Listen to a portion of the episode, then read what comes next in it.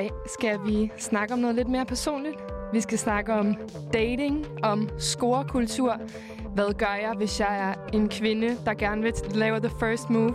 Eller hvad gør jeg, hvis jeg slet ikke er heteroseksuel? Det skal vi tale om i Lang til Ligestilling. Velkommen til.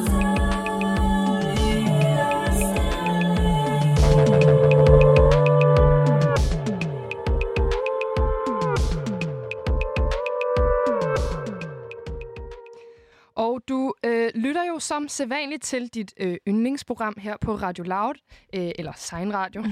øhm, Langt til ligestilling, programmet, hvor vi diskuterer, undersøger, debatterer, hvordan vi opnår mere ligestilling mellem alle mennesker. Vi er dine værter. Hinda Ulet. Og Marie Kansel. Pra, pra, pra. Og vi er selverklærede intersektionelle feminister, som interesserer os for magt, privilegier, undertrykkelse, inden for alle parametre faktisk. Det kan altså sige øh, køn og klasse, etnicitet, krop osv. Vi synes, der er langt til ligestilling, øhm, men ingen af os ved med sikkerhed, hvordan vi kommer derhen. Og det er altså derfor, vi har lavet det her program, så vi kan sidde i vores øh, lille ekokammer og blive bekræftet af alle andre feminister. og blive, øh, blive bekræftet i, at vi, øh, at vi har ret i vores holdninger. Men også for lige at stille, stille os selv nogle spørgsmål og prøve at undersøge, hvordan kommer vi tættere på. Og udover, at vi er øh, mega woke intersektionelle feminister, Pas på med det ord der. er vi jo Young and single. Young and fresh and naughty. And naughty. og øh, når vi ikke prøver at bekæmpe patriarkalske magtstrukturer, så har vi jo faktisk også et datingliv ved siden af. Tro det eller Det skulle man slet ikke tro. Man skulle ikke tro, det er sådan nogle øh, klamme, øh, usøgnerede feminister som os. Men, øh, men, men Hinda, hvordan, altså, hvordan går det med det? Det der datingliv der?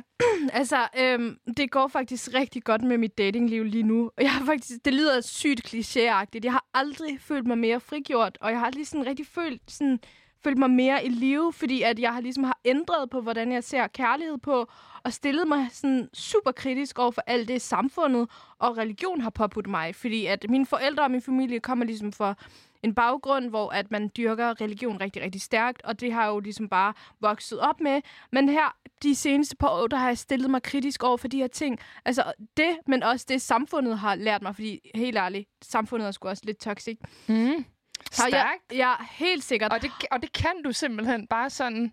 Det kræver rigtig meget arbejde. Mm. Det, er, øhm, det har været en rejse. Jeg dater for at opleve ting, der kan give mig sug i maven og sommerfugle osv. osv. Jeg dater for at blive stimuleret. Øh, altså intellektuelt, ikke? ja.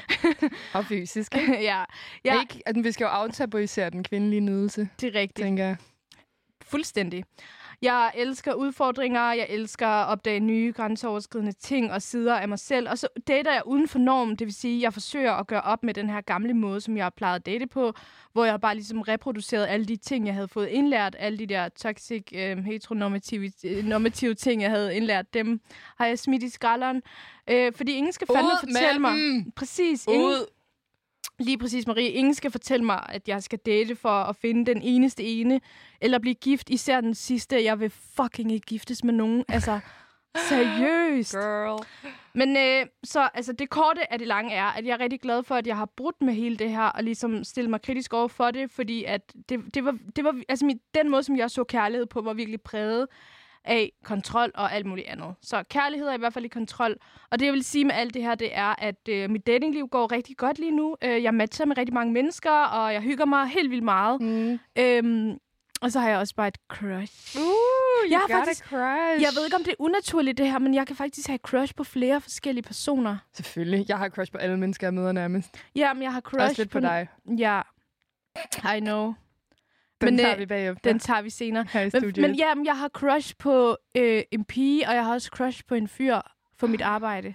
Oh my god. På Ah. det her arbejde.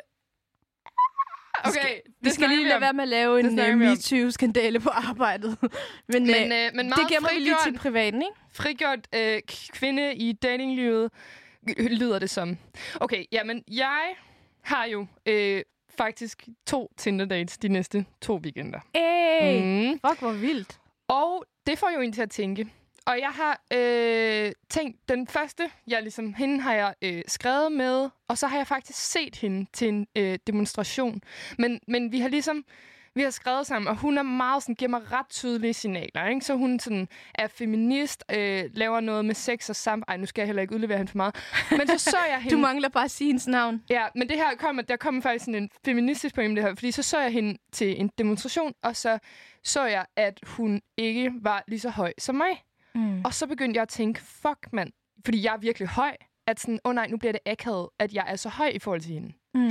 Så har jeg en anden Tinder-date med øh, noget, jeg vil kalde en flot fyr, øh, som jeg faktisk har tænkt lidt mere over. Og der har jeg tænkt, altså så weird, sådan der. Min første indskydelse var sådan der, vi skal mødes på næste søndag. Sådan, øhm, nå, nu skal jeg lige huske, at min påklædning skal være mere feminin. Fordi du ved, normalt kan jeg godt have sådan lidt sådan dyke-vibe. Altså sådan mm. der, gå i, øh, have meget sådan, hvad man vil traditionelt kalde for maskulin vibe, ikke? Og sådan yeah. der, rigt alle er sådan der, er du læbe? Jeg elsker sådan, din ved. stil. øhm, og så noget andet, jeg tænkte over, var, at fordi min bio på, på Tinder er øhm, dårlig til at lave mad, god i sengen.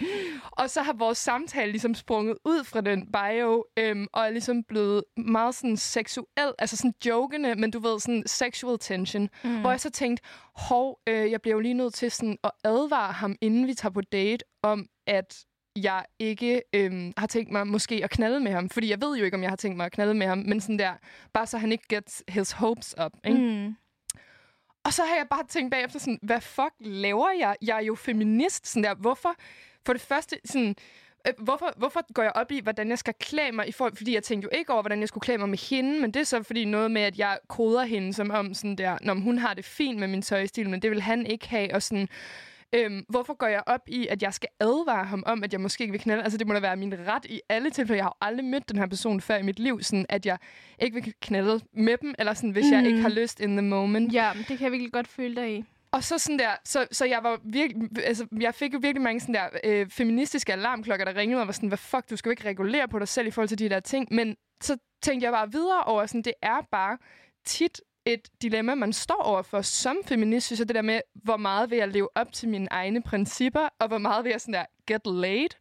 Og også fordi, at det er jo ikke nødvendigvis en realitet, at han for eksempel forventer en mere feminin tøjstil, eller at hun forventer, at vi har samme højde. Det er jo helt klart også mig, der er sindssygt ja, fordomsfuld. Jeg skulle lige til at sige, at det er nogle fordomme, som du har plantet i dit eget hovedagtigt. Præcis, og så øh, tænker jeg også, sådan, hvor kommer de her fordomme fra, de her øh, forventninger har til mig selv om, hvordan jeg skal opføre mig, hvad de her personer forventer af dem, og hvordan er det egentlig, jeg afkoder dem ud fra sådan deres køn, udseende, øh, bio mm. og så videre. Så i dag, som øh, I nok alle sammen kan høre derude, der skal det handle om dating. Fordi at fordi we need some advice, girls. Now yeah. we need to talk about this. um, vi er jo feminister, og uh, som feminist, så tror jeg på, og vi tror på, at alle mennesker er lige. At der ikke er nogen, der har den her sådan, naturlige essens, eller den naturlige måde, de skal opføre sig på. Men at vi som kultur måske er kommet til at opstille nogle sociale konstruktioner, der påvirker os uh, til at opføre på en bestemt måde. And that's a fact. And that's a fact. Yeah. Og derfor stejler vi jo på, når der er film eller serier eller selvhjælpsguides eller folk, jeg er på date med, eller når jeg selv fortæller mig, at jeg skal opføre mig på en bestemt måde for at passe ind i nogle bestemte roller. Øhm, i dag skal det handle om dating, det skal handle om vores personlige oplevelser og refleksioner, og det skal handle om, hvad vi søger, når vi dater, hvad vi vil opnå, hvad vores værdier er i den her datingverden, og altså også lidt, hvor de her værdier måske kommer fra, mm. øhm, og hvordan man så kan bryde med dem og faktisk tage på date som feminist. Ja, og hvor, altså, hvor er de her værdier? Hvor kommer de fra? Det, der, der må jo være noget, der må, der må jo være noget facit på, når det her det kom til, fordi at dengang var det nødvendigt for mennesker at ligesom stifte en familie, være mm. mand og kone, formere sig, beskytte hinanden, være en del af fællesskabet. Det var jo, det galt jo sådan der liv eller død, yeah. og så videre. Vi skal også Præcis. kigge på, hvor de her ting og de her værdier, de kommer fra. Hvor stammer de fra? Ja, og vi, øh, vi kommer jo først og fremmest til øh, lige at starte med sådan at undersøge datingkulturen lidt i dag. Jeg har været inde på nogle øh, ret lol hjemmesider, øh, hvor at, øh, jeg i hvert fald har haft det rimelig grineren. Øh, særligt i forhold til sådan kønsroller og heteronormativitet osv. Øh, vi skal snakke om, øh, hvorfor vi har de værdier, som vi har, som du selv sagde, og hvad, hvor det er, de kommer fra. Det her med, at vi vil gerne have et monogamt forhold, vi vil gerne have en kernefamilie. Øh, så har vi også Louise Kjølsen med i studiet senere, som er psykolog og feminist og forfatter og debattør og meget andet til at tale om de her strukturer, der bestemmer vores datingsverden, hvad problemet kan være med de her, hvordan vi bryder ud af dem. Og til sidst skal vi altså snakke om lidt hjælpe mig og hende med, hvordan dater vi så feministisk? Hvordan kan vi øh, bevare vores principper, selvom vi øh, gerne vil ud og knippe? øhm, og der har vi også fået jeres hjælp derude lidt, som altid gennem øh, Instagram Sign Radio, eller vores mail radiosnabelag.signmag.dk, hvor I altså har skrevet til os. Yes. Men... Tekst os. Skriv også, hvis I vil på date med Marie. Hun, ja. er, hun er rigtig god i sengen. Dårligt til at lave mad. God i sengen, ikke? Nå, men nu skal vi jo videre, fordi hvad er det så med det her dating? Altså, vi bliver nødt til ligesom at tage den fra starten af. Hvad er dating? Hvorfor er det, at det her er et vigtigt feministisk emne? Ikke? Og jeg skal jo øhm, på date med henholdsvis en kvinde og en mand, og så kan jeg jo passende sådan der self-educate lidt om, hvordan jeg får de her personer med i kalen, ikke? Så jeg har været, jeg har øh, søgt på How to get a guy to like you. Ej, nej, nej, nej. Ved, og... du, ved du, hvad jeg searchede der inden sidst? Jeg var inde på den der WikiHow, eller hvad fanden den hedder. Mm. How to get over a guy, eller sådan, how to get over him. Der er i hvert fald masser af guides derinde. Ja, øhm, det er lidt pinligt at indrømme sådan noget. Men inde på wikihow.com, der kan man altså gå ind på Get a Guy to Like You. Og der kan du finde øh, kun billeder af kvinder og mænd. Så det vil sige, allerede her er det ligesom sådan, hvis du skal have en fyr til at ja. kunne lide dig, så er du hetero, ikke? Præcis. Øhm, så står der fem råd til de her kvinder, som så er i omtale. Øhm, be confident, look your best. Der står så i parentes, guys are visual creatures, so look your best will simply spin the odds in your favor. Der står make your presence known. Der står have a good sense of humor. Og så står der, make it clear if you're available. Og der står der altså også i parentes, at det her, det skal altså være in other subtle ways. Så det skal være noget med en Facebook-status, noget med, at dine venner dropper nogle hints. Øh, du skal jo ikke, altså, du skal jo ikke gå hen og være sådan der, helt available, sådan der. Så, så er du jo Men det så gør jeg meget, jo, det, det gør jeg. Jeg er jo sådan der, der er slet ikke noget mellemregning eller noget. Det er bare, direkte. Ja, men nu, nu snakker vi om, øh, hvordan WikiHow ja, okay, siger til dig, okay. fortæller dig, hvad du skal gøre. Ikke? Med dit crush, så skal du altså være de her ting. Du skal være selvsikker, du skal være smuk, du skal være de her ting. Du skal look your best, faktisk. Du skal se så godt ud, som du overhovedet kan. Og så skal du øh, ligesom komme snigeren ind, fordi du må ikke være for available. Mm. På øh, How to get a girl to like you, der står der... Øh, der er der også kun billeder af mænd og kvinder igen, så hvis man gerne vil have en pige til at kunne lide sig, så er man altså en mand ja. automatisk. Øhm, der står practice good personal hygiene. Find an, og det her er altså de fire første ting, jeg læser op fra hver kategori. Find an interesting hobby and be passionate about it. Act confident around her to make her more interested. Be polite and courteous to others as she sees your manners. Okay, og der, ja, så jeg vil sige, til at starte med min overordnede analyse her, nu kommer øh, feministen lige og skal analysere det her.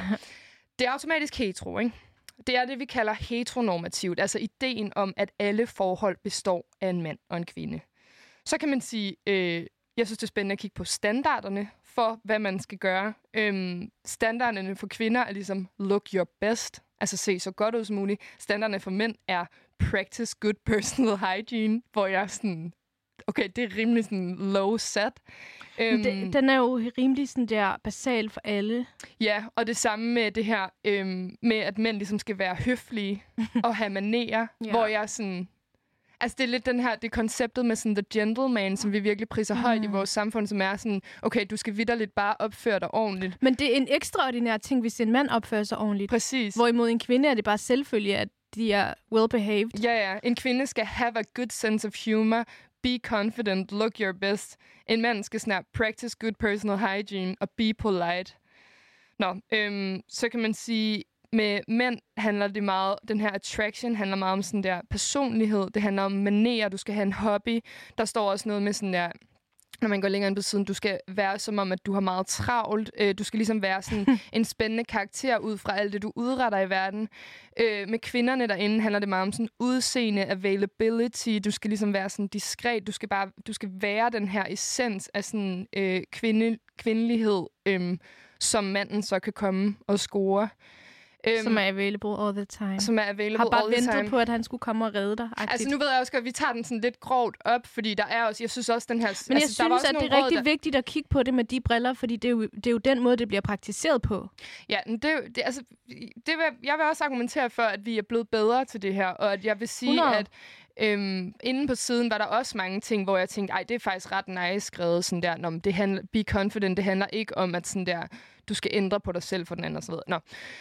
Men det jeg, det, jeg tripper mest over, det er det her med øhm, ideen om mand score kvinde. Ikke?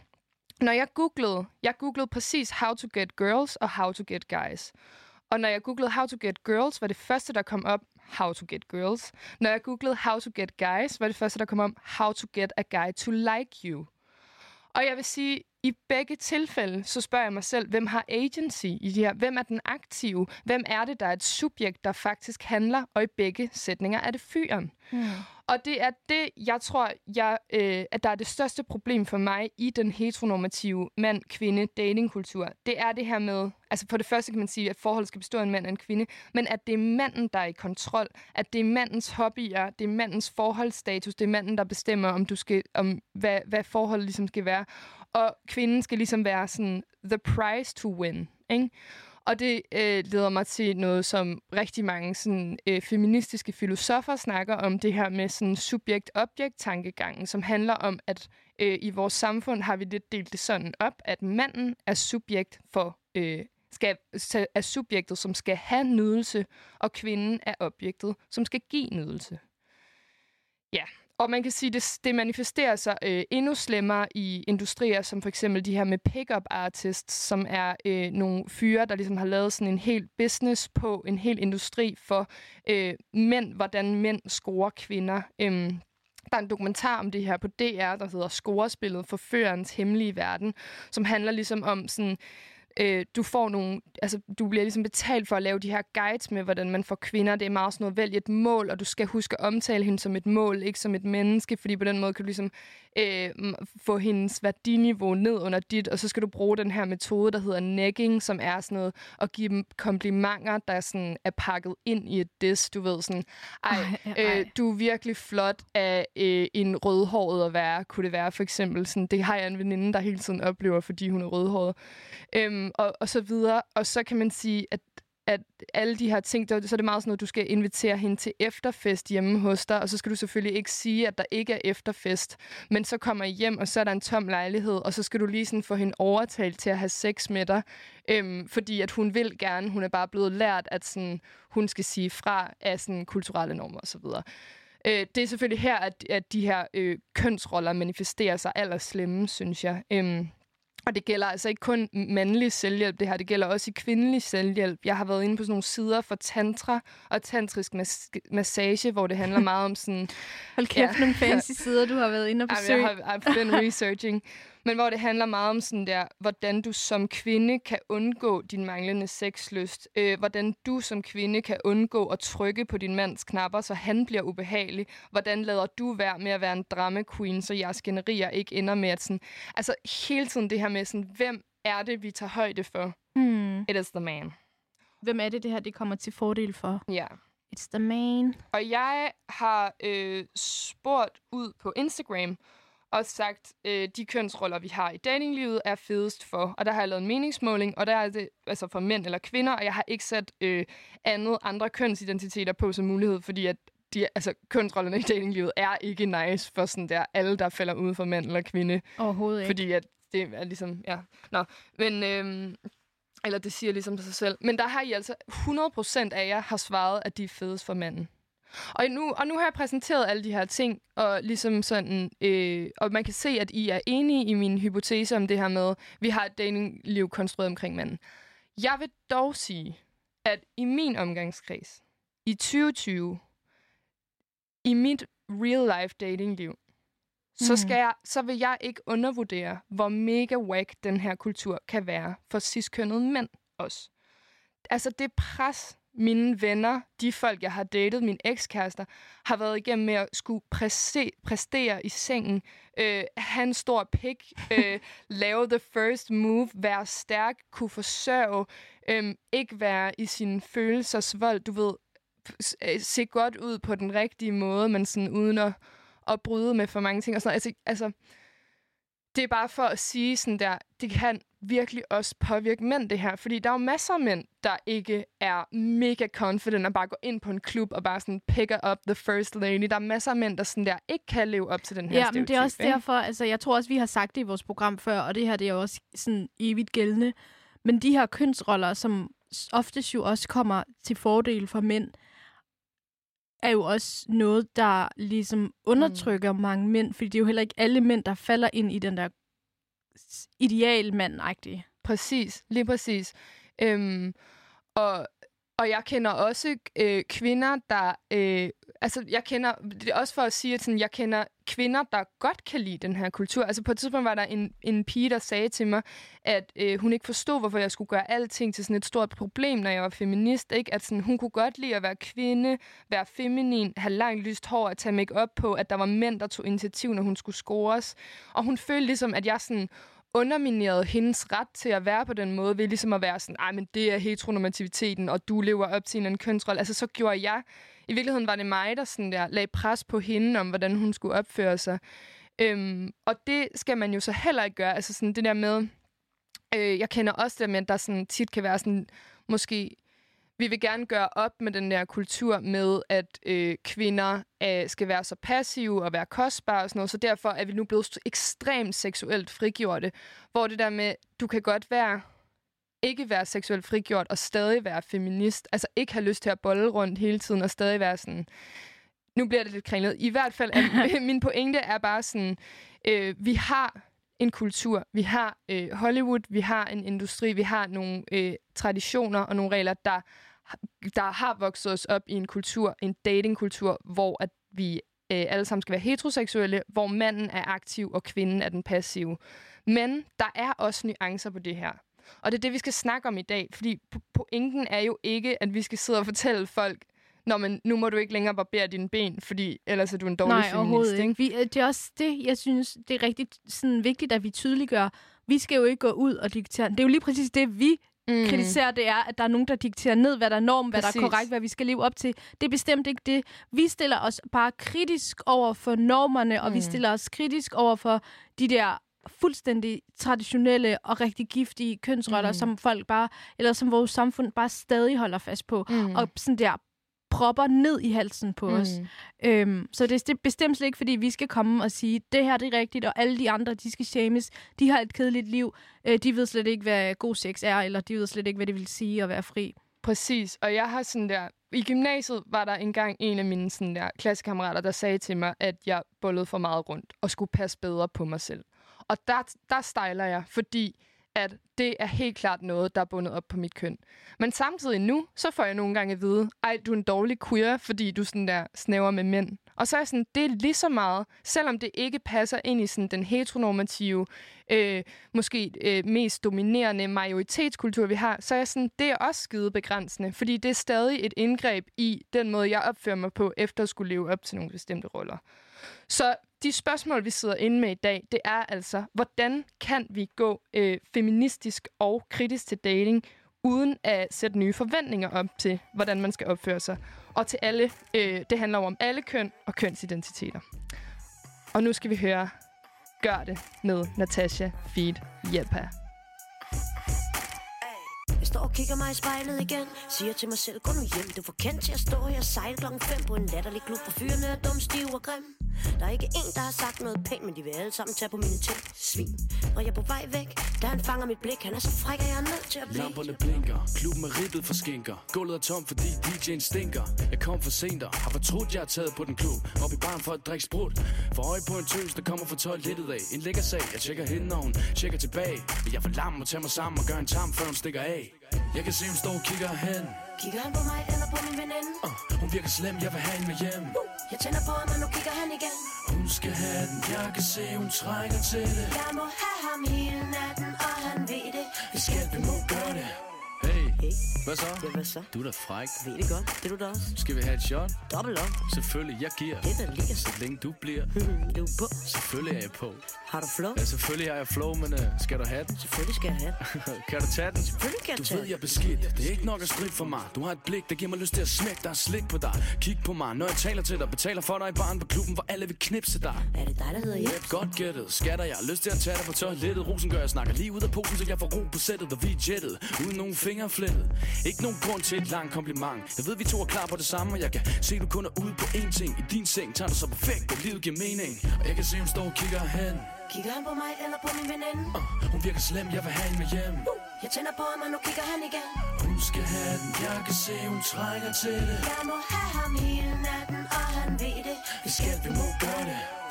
siger du i mit øre, og jeg er nem at forføre. Du taler beskidt, det skidt, jeg vil høre ham op og køre. Giv mig lyst til at røre, du skal ikke spørge. Tag mig, hvis du tør. Hmm, toilettet, siger du. Kom, vi flækker brættet, giv du så er jeg med det, eller skulle vi jet? Siger du til den søde bæber med de bløde læber? Kan du hele min feber? Pigerne de klæber til dig, til kæber ved dig. Og jeg får lyst til at kysse på dig, kæle med dig. Denne shoes, denne rus må jeg dele med dig. Et blik mere, jeg vil give det hele til dig. Jeg kan se hun står og kigger hen. Kigger han på mig eller på min veninde? uh, Hun virker slem, jeg vil have hende med hjem. Jeg tænder på ham, og nu kigger han igen. Hun skal have den, jeg kan se hun trænger til det. Jeg må have ham hele natten, og han ved det. Vi skal, vi må gøre kan se hun står og kigger hen. Kigger han på mig eller på min veninde? uh, Hun virker slem, jeg vil have hende med hjem. Jeg tænder på ham, og nu kigger han igen. Hun skal have den, jeg kan se hun trænger til det. Jeg må have ham hele natten, og han ved det. Vi skal, vi må gøre det. Vi skal, vi må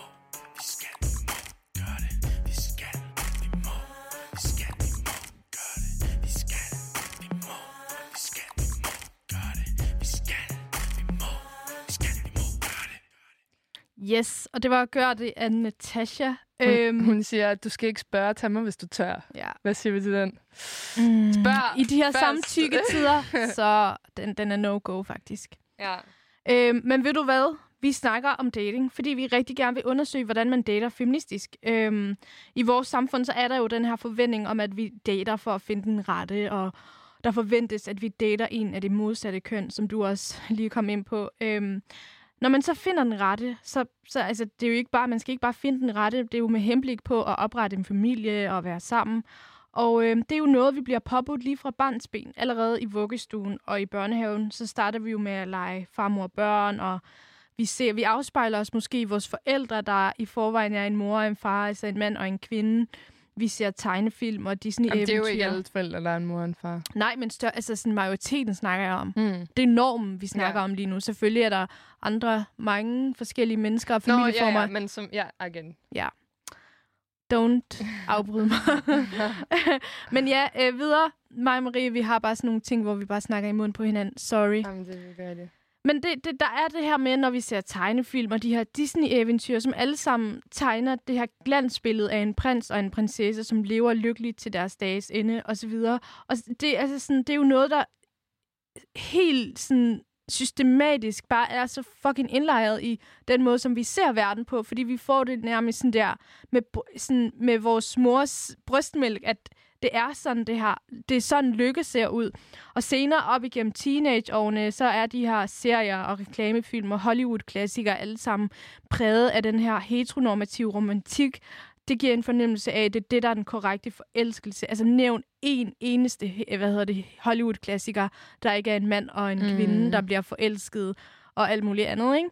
Så altså sådan, pigen skal være den smukke, og drengen skal være den stærke og beskytte pigen, helt uden at sådan, uden at bemærke det, så bliver vi jo psykisk opdraget til, at det er det, der er mening med livet, det er det, der er lykken. Og det er succeskriterierne i hvert fald. Og alt andet, det er alternativer, det er nederlag, og det er uheld i kærligheden. Det er familier, der stikker ud i gåseøjne, mm. hvis nu man har en regnbuefamilie eller et eller andet. Mm. Øhm, men altså, de her værdier, hvor kommer de fra? Og sådan, de har jo eksisteret i utrolig lang tid. Og øh, hvordan opstod de, og hvad, hvorfor står vi samme sted i dag? Det vil jeg rigtig gerne lige komme ind på. Fordi, lad os lige starte med den her ke- kernefamilie. En uh. mor... Ja. Ja. Kernefamilie, altså en mor og en far og nogle børn. Øh, og jeg har prøvet at research lidt omkring det her, fordi hvordan he- hele den her idé om en kernefamilie opstod. Og nu er jeg ikke den store historiker. I gotta say this. Det er en reclaimer. Mm. Ja. øhm, men, øh, men altså, jeg kan jo læse mig frem til, at det kom med, at vi fik landbruget, og mennesker ligesom opdager at dyrke den her stykke jord, øh, hvilket har været sygt afgørende, og har været sådan en helt genial og enestående opdagelse i menneskets historie, som ændrede alting, og ændrede også sådan der vores livsstil. Øhm, fordi det, man, det, det fik den her rolle, at det var et livsprojekt, og man dedikerede jo hele sit liv til det her jord, som skulle dyrkes og plejes og alt muligt andet. Jeg, jeg, er, ikke den, jeg er ikke så god til sådan noget, så jeg vil ikke gå ind i det. Øhm, men du kan tro, det skulle gå i arv, og det skulle gå i arv, altså det skulle være de rette. Øhm, og, og, og det her, det kommer ind i billedet, den her monogami rigtig bliver etableret og praktiseret, fordi det jo var den eneste måde, at manden så kunne sikre sig, at det var hans rigtige afkom, der ligesom arvede de her goder. Øh, så her kommer, så kommer kontrollen af kvindens seksualitet, som ligesom bliver offret for ejendomsretten. Ja. Så, så er det her, man ligesom fastlægger, okay, vi har en pagt os to. Du knaller ikke med andre, fordi jeg kan ikke være sikker på, at det er mine børn, der så bliver født, og jeg vil rigtig ah. gerne have, at det, det er mine børn, der arver øh, den her jord.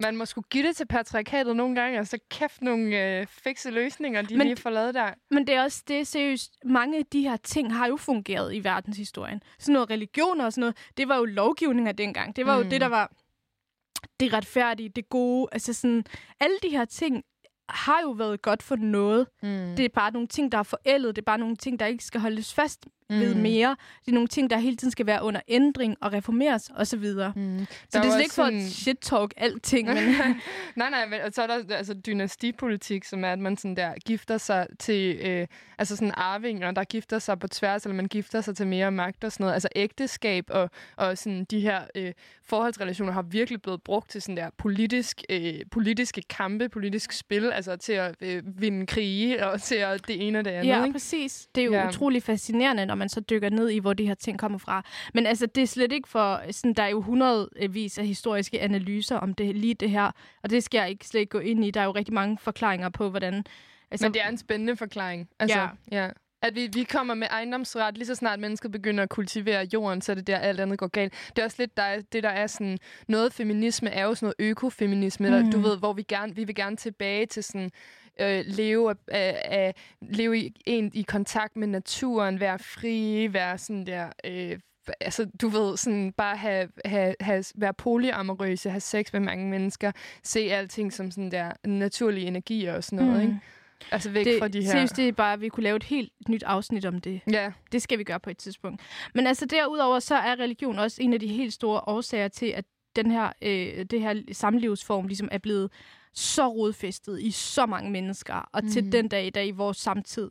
Fordi at det har jo alle religioner har ligesom givet udtryk for, at det primært har været en mand og kone og børn. Altså cirka 3000 år før Kristus, der levede de her øh, inuit, mens inuit, jeg ved ikke, hvad man siger Inuit, det. Jo, det ja, øh, det, det var øh, øh, mennesker fra Kanada, Alaska, Grønland osv., øh, som dyrkede den her form for, at man ligesom var flere familier sammen, fordi fællesskab var jo fucking vigtigt. Altså det afhang virkelig af liv eller død, og man ligesom fiskede sammen, og man boede sammen, man delte redskaber osv. Øh, men med tiden så sker der jo noget, og der opstår de her øh, egyptiske religioner, og derefter hinduismen og jødedommen. Og det er der, det bliver interessant med jødedommen. Altså, det er den første religion, hvor at man tror på én Gud, øh, og det er den allerførste monoteistiske, monoteistiske religion. Det vil sige, at det er, øh, der er tre monoteistiske religioner, hvor der er én Gud, øh, mm. islam, kristendom og jødedom. Og de har begge islam og kristendom har rødder i jødedom. Men de her tre religioner har det til fælles, at de alle sammen har fastlagt kønsroller, det vil sige, hvordan man agerer som mand, og hvordan man agerer som mm. kvinde. Og de her regler og roller fører til livets, hvad kan man sige, ultimative peak point, altså sådan den her kernefamilie og mm. ægteskab. Ægteskab mm. og så kernefamilie. Og de, de priser jo sådan ægteskab og familieliv rigtig højt. Der er sygt meget status i det. Øhm, man bliver jo respekteret helt vildt meget, øh, når man har den der overgangsfase mm. fra at være ugift til gift og være i et ægteskab osv. Og, og norm og forventning er altså, at man er heteroseksuel, fordi det er obviously en mand og en kvinde. Men altså også de her religiøse skrifter som Koranen og Bibelen og Toraen afviser jo ligesom muligheden for andre livsstilsformer end den klassiske mand og kone og børn. Og øh, ja, altså det var lidt historisk om, hvordan hele den her kernefamilie slash monogami og heteronormativitet egentlig er konstrueret af mennesker, fordi det grundlæggende har været vigtigt for, at alle mennesker kunne, eller for at mennesker generelt kunne overleve og formere sig og arve hinanden. Øhm, men tydeligvis så hører det jo bare til i fortiden, fordi den her heteronormativitet og monogami og kernefamilie trives stadig i stor stil i dag i vores moderne verden. Mm. Selvom der overhovedet ikke er øh, behov for det på nogen måder. Altså det siger jeg jo, men dem, Ja. ja. der er i det, de er jo sådan, this is the shit, man. Nå, men det er også det, jeg synes er spændende. Altså sådan, ej, nu ved jeg godt, at jeg sådan kommer off track, men det der med, at vi, vi er også meget hurtige som feminister til at være sådan der, du, du ved, der er ingen funktion med kernefamilien. Den er jo tydeligvis dy- dysfunktionel, ikke? Og det Ja. er den jo nok også, men jeg er sådan der, jeg tror også bare sådan, Øh, for, for eksempel, jeg arbejder for en kernefamilie. Altså det gør jeg virkelig sådan. Jeg passer et barn, som er i den her kernefamilie. Og jeg kan virkelig mærke, at øh, moren i den familie sådan tit føler, hun skal sådan retfærdiggøre meget af sin opførsel for mig, når jeg er der, fordi hun er ligesom hjemmegående, og, og, og manden han arbejder. Og, og du ved sådan, den her måde, jeg også nogle gange kan blive sådan helt fuck, jeg kommer også, altså sådan, hvis det er det, de trives i, eller sådan der, jeg ved godt, at sådan,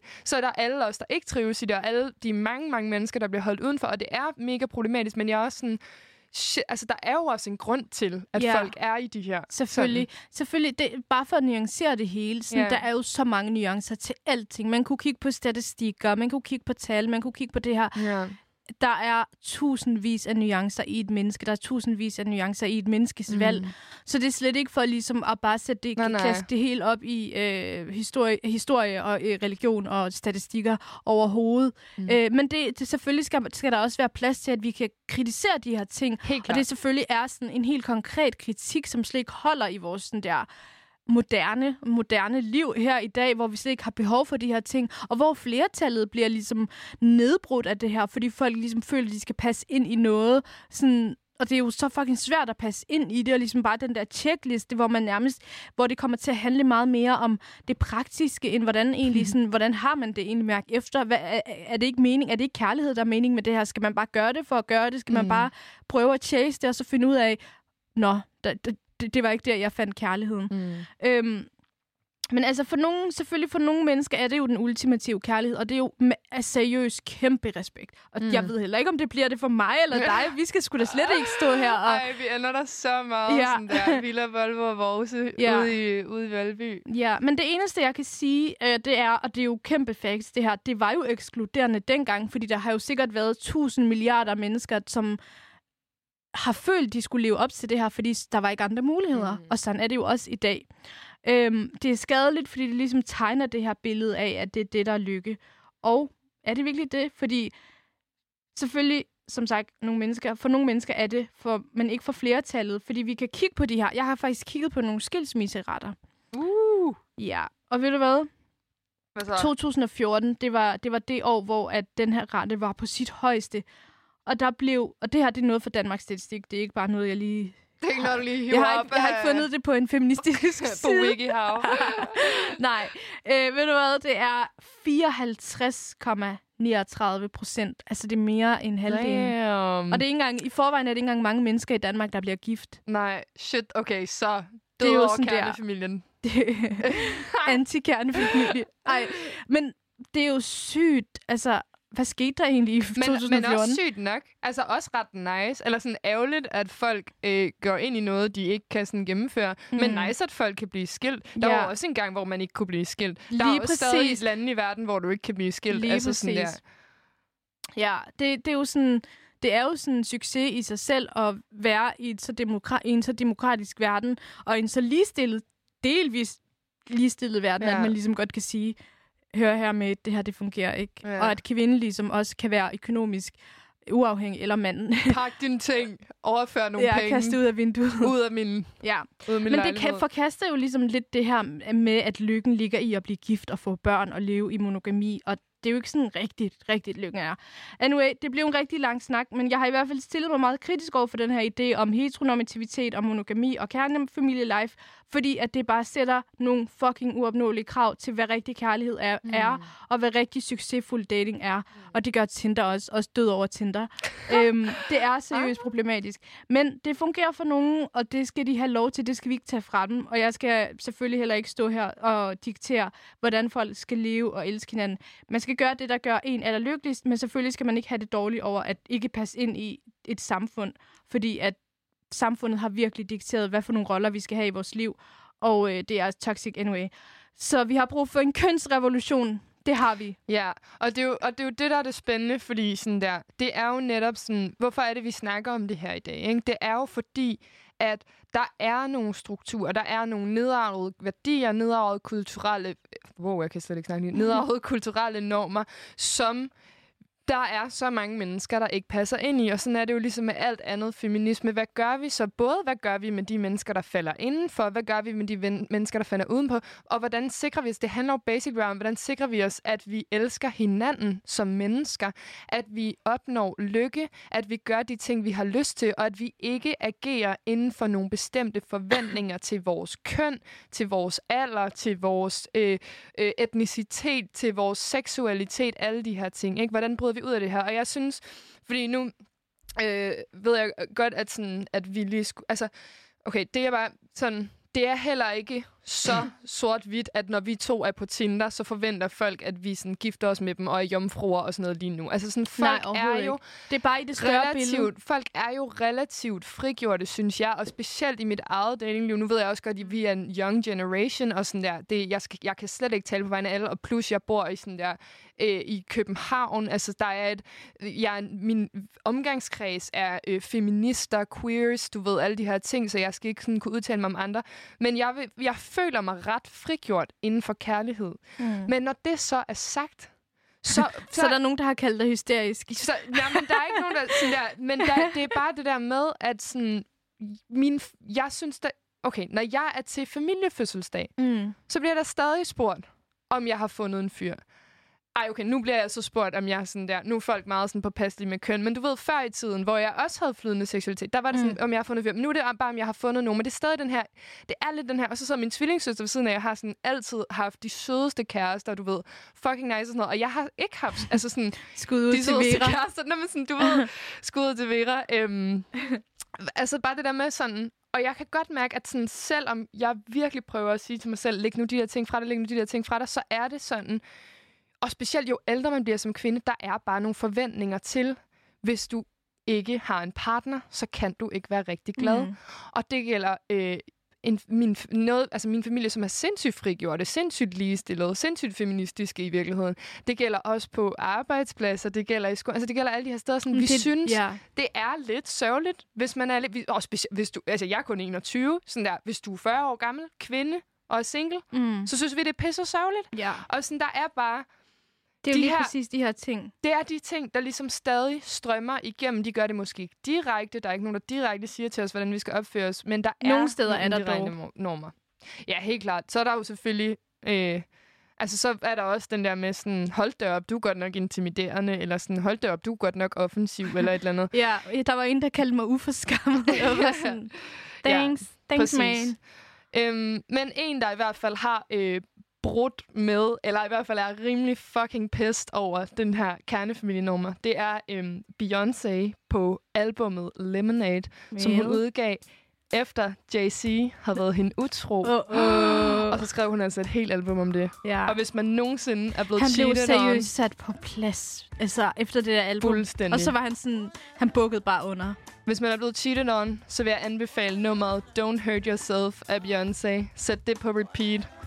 Og så bare sådan her, give den fucking gas. Mm.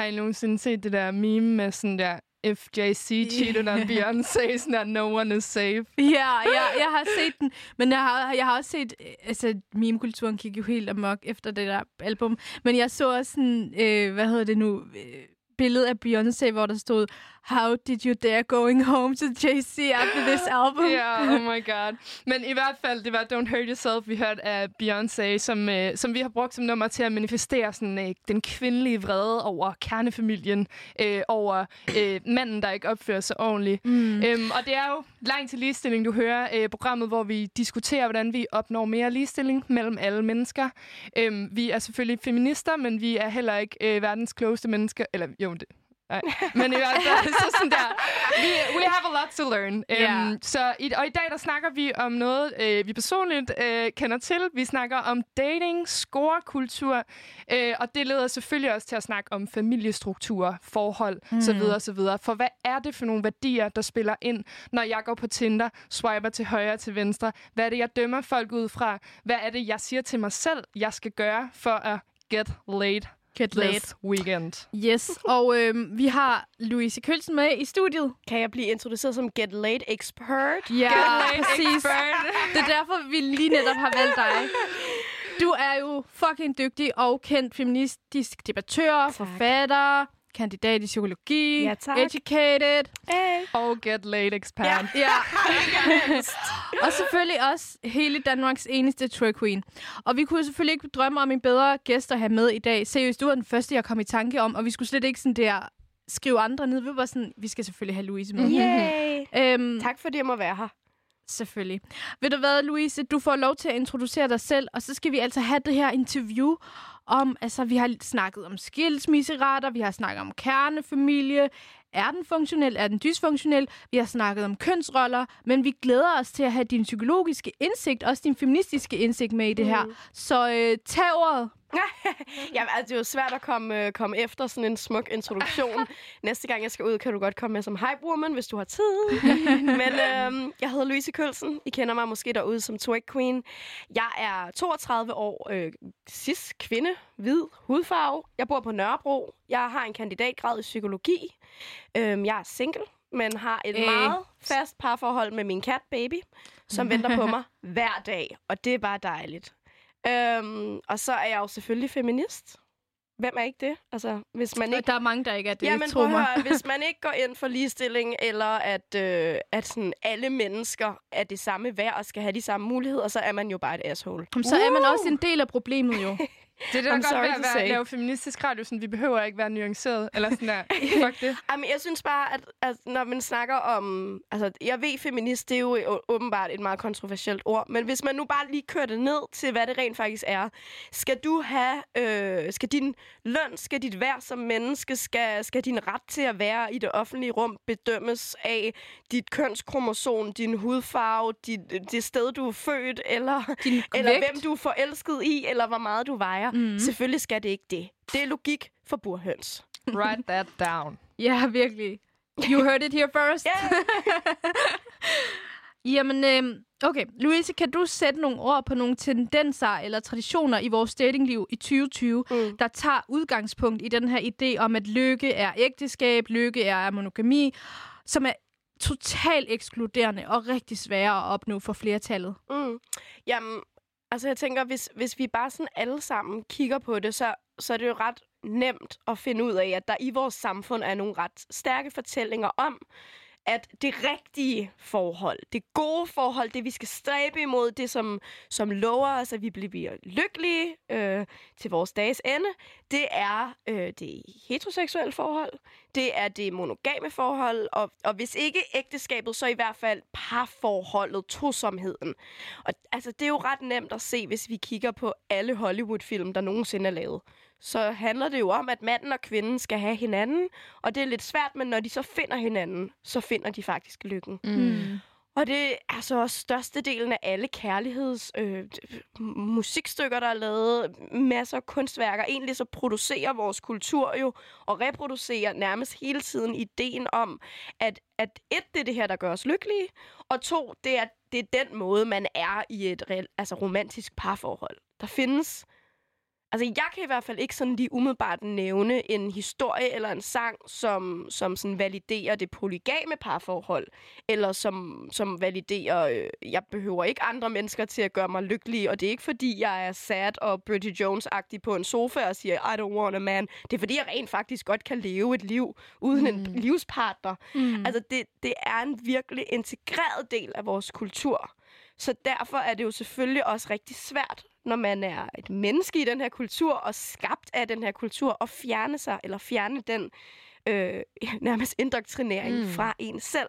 Så det er jo, når vi alle sammen tager Tinder op i hånden, så er det allerede indbygget, og man kan sige, et, et dating, øh, en dating-app som Tinder understreger jo ligesom også meget, altså Ja, ja, det er vist muligt at vælge andre, andre sådan, tiltrækningsmønstre end det heteroseksuelle på Tinder. Mm. Men, men jeg tror ikke, at valgmulighederne er så store.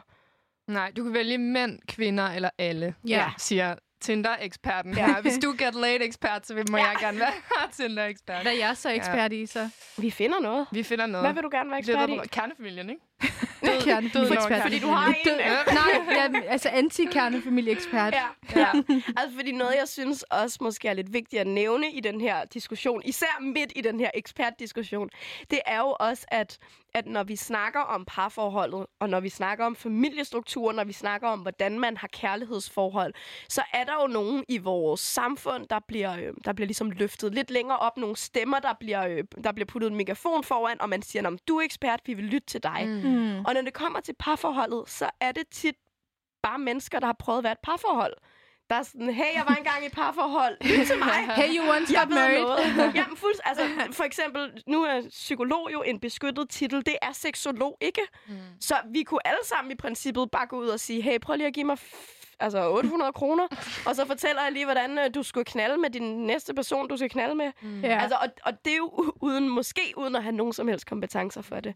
Så jeg synes, hvis vi skulle være lidt kritiske, eller sådan sende en lille stikpille ud i det her program, så skulle det være til sådan, hey, skulle vi lige være lidt mere øh, omhyggelige med, hvem der får lov til at sætte, øh, i hvert fald virkelig talsætte nogle normer, og måske lige gøre seksolog til en beskyttet titel, eller i hvert fald mm. DR kunne måske lade være med at bruge, det ved jeg ikke, Jakob Olrik, som ikke rigtig ved noget The om shade. Ja, men sorry. The shade. Sorry, prøv at høre. Der kan Ja. man virkelig snakke om bare at kontinuerligt reproducere super irriterende mm. og også virkelig uintelligente idéer om, mænd boller sådan her, kvinder boller sådan her. Sådan en grov generalisering. Sådan, Ej, men dude, prøv at det er høre. ikke sådan rigtigt.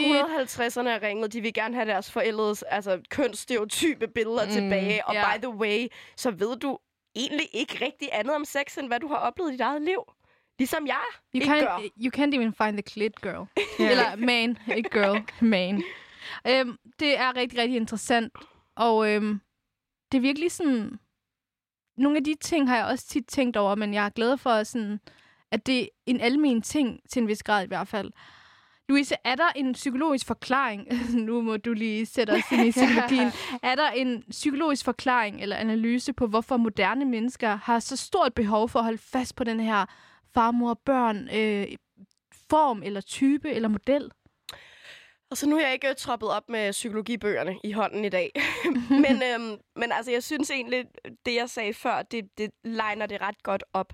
At når det, er det, når det er den fortælling, vi konstant bliver præsenteret for, Altså, når du starter som lille bitte barn med at få fortalt, at, øh, at der er en prinsesse i et tårn, der venter på en prins, og så finder de hinanden, og så bliver de lykkelige. Og så fortsætter du måske din, i din ungdom med at se nogle ungdoms tegnefilm, hvor Mickey Mouse og Minnie Mouse jo selvfølgelig også er et match. Og så ser du Beverly Hills 90, eller det gør jeg dengang. Jeg ved ikke, hvad de unge ser i dag. Sorry. Jeg ved godt, det er ungdomsradio. I må lige derude google mine støvede referencer. Men altså, jeg som teenager så Beverly Hills 90 210, som igen handlede rigtig meget om øh, det heteroseksuelle parforhold. Mm. Og det monogame parforhold. Og så fortsætter man ellers med samtlige Jennifer Aniston-film, der nogensinde er lavet. Og så slutter man jo af, altså med, det ved jeg ikke, en eller anden omgang dansk topmusik, som igen handler om øh, Jørgen og Birte, som bare drikker en gammel dansk og kigger ud i det er noget solopgangen. ungdom, du har haft? Nej, det var, ved du hvad, det var faktisk helt livet, jeg lige tog igennem der. Men altså, når vi konstant bliver præsenteret for, et, det her det er det, du bliver lykkelig af. To, det her det er det eneste, der findes. Så er det da klart, at, at det er det, vi, stræb, vi er blevet opdraget til. Ja.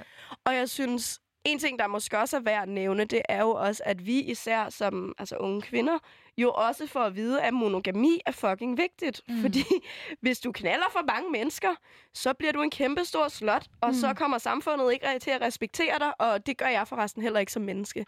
Altså, så, så der er jo også nogle reelt sociale konsekvenser ved det øjeblik, du træder uden for de her meget, øh, meget kan man sige, snævre rammer, mm. som vi jo også ser sådan meget etableret ved, at, at kernefamilien bliver belønnet, og, og par- parforholdet, især det heteroseksuelle parforhold, bliver belønnet Jeg hyldede nærmest. i for, jamen også bare helt konkret, det bliver belønnet med rettigheder mm. i forhold til, hvordan man arver, og hvordan man betaler skat, og, og det er jo sådan super gammelt efterleven af den gang, hvor at, at man jo altså, først nærmest talte, når man som kvinde havde en mand, der mm. ejede en som ægtefælle, eller sådan, men, men at, at vi har også et samfund, der konstant øh, repræsenterer det her, konstant pæser det her, og konstant også belønner det. Mm. Og når man så gør noget andet, så er der også nogle sociale konsekvenser. Altså mennesker, som vælger... Øh, for eksempel, nu er jeg, altså nu er jeg 32, ikke? Og nu er folk begyndt på den der... Nå, men øh, skal du ikke have børn? Har du ikke en kæreste? Oh my god. Vil du Ja. ikke have børn? Altså, det er jo, det er jo sådan et, et helt normalt, validt spørgsmål åbenbart at stille, øh, især kvinder over 30. Mm. Vil du egentlig ikke have børn? Øh, Det, det, hvad betyder det egentlig? Vi sidder lige og drikker kaffe. Er det ja, sådan, præcis. at, ja, du har lige betjent mig Irma. Hvad fanden rager det egentlig dig? Ja. Altså sådan, hvorfor er det, hvorfor er det så naturligt, at jeg skal ville have børn? Hvorfor er det så vigtigt? Altså som, som, øhm, som der jo også er i, øh, i, i hvad hedder det, på Lemonade-albummet, hvor, hvor at, øhm, hvor Chimamanda øh, at hun læser op af den her feminist, hvor hun også siger, at vi lærer kvinder at konkurrere om mænd, og vi lærer kvinder at stræbe imod at få et ægteskab. Mm. Og der er ikke noget i vejen med ægteskabet. Der er ikke Mm. noget i vejen. Hun mener heller ikke, der er nødvendigvis noget i vejen med at konkurrere indbyrdes. Men hvorfor skal vi konkurrere mænd, og hvorfor skal mænd ikke lære at stræbe efter parforholdet heller? Ja, altså, mm. at vi Mm. skal konkurrere for mænd. Kvinder Ja. skal internt Ja. konkurrere for at opnå gevinsten, som er manden. Ja. Mm. Og, og hvorfor er det, at... Altså, hvorfor er det, at det er så vigtigt? Hvorfor er det, at vi for eksempel lige nu har en snak i det offentlige rum om, at læger skal pæse unge kvinder eller yngre kvinder til at få børn? Hvad, hvorfor Gud, er ja. det så vigtigt i vores Ja. samfund?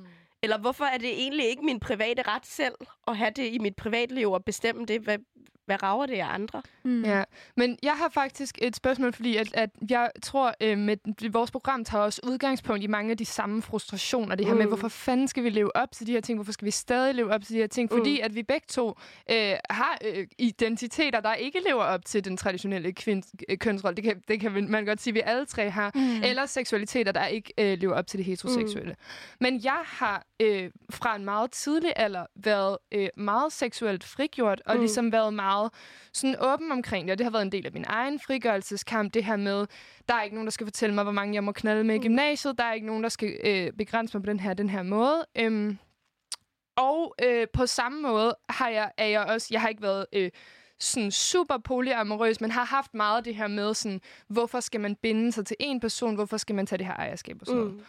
Men det, det, jeg ligesom tit står overfor, det er øhm, folk, der ikke, og måske endda, altså også kvinder måske, der øh, gerne vil være frigjorte, der gerne vil have deres egen ret, Mm. men som, hvis man ikke har, det, har lyst til at være så seksuelt frigjort, hvis man Mm. føler sig tryg i, no, i et monogam forhold, hvor man ikke skal gå rundt og have nøjer på, om sin kæreste øh, knaller med alle mulige andre, ses med alle mulige andre. Altså, du ved, det her med, at jeg kan nogle gange som den frigjorte feminist komme til fuldstændig og sådan der, sådan ligesom hakke ned på deres værdier for Mm. stadig at leve op til den, du ved, den traditionelle mm. kønsrolle. Og så er det ligesom øh, mig, der på en eller anden måde er, er den rigtige kvinde nu, fordi jeg er seksuelt frigjort, og jeg tror ikke på monogamien. Mm. Og jeg tror, mit spørgsmål er lidt det her med sådan, det jeg også prøver at finde ud af i det her program, hvordan kan jeg ligesom sørge for, at jeg selv dater mere frigjort, altså fjerner de forventninger, jeg ikke føler, jeg kan leve op til, uden at jeg, og hvordan kan jeg have den her samtale, uden at jeg pådutter andre, mm. at sådan, når man, nu må du ikke længere være kostbar, nu må du ikke lade din mand betale for maden, nu må du ikke de her ting. Ja. Ja. Jamen, jeg tror egentlig, altså det vigtigste er jo at holde øjet på bolden. Mm. At der er jo ikke noget i vejen med et heteroseksuelt parforhold, eller et monogam parforhold, eller et En ægteskab, kernefamilie. eller en kernefamilie. Ja. Det er der ikke noget galt med. Mm. Men der bliver noget galt med, hvis det er det eneste rigtige. Mm. Altså, så det, for mig at se, så handler det om, at sådan, det idealtænkningen om, at, at det her det er det øh, rigtige, og forresten også det eneste, du kan få lov til at gøre. Mm. Og, og det bliver jo et problem, fordi at så hver gang du gør noget andet, så er der konsekvenser. Mm. Der er nogle, kan man sige, nogle sådan helt lovmæssige privilegier, du ikke får, men der er også massiv social udskamning, desværre stadig i 2020, mm. når for eksempel et heteroseksuelt par udtrykker deres kærlighed på gaden, eller øh, vi kan se den... Du mener diskrim- homoseksuel Ja, undskyld. par? Ja, homose- ja. Ja. ja selvfølgelig. Mm. Homoseksuelle par udtrykker deres kærlighed på gaden, eller den diskrimination, der er i forhold til, hvem der har ret til at få børn, for eksempel. Mm. Mm. Og det er jo problemet. Mm. Mm. Problemet er, at det jo ikke er et frit valg. Mm. Problemet er, at når folk siger, Nå, du kan jo gøre det, du vil, jeg kan gøre det, jeg vil. Ja, nej.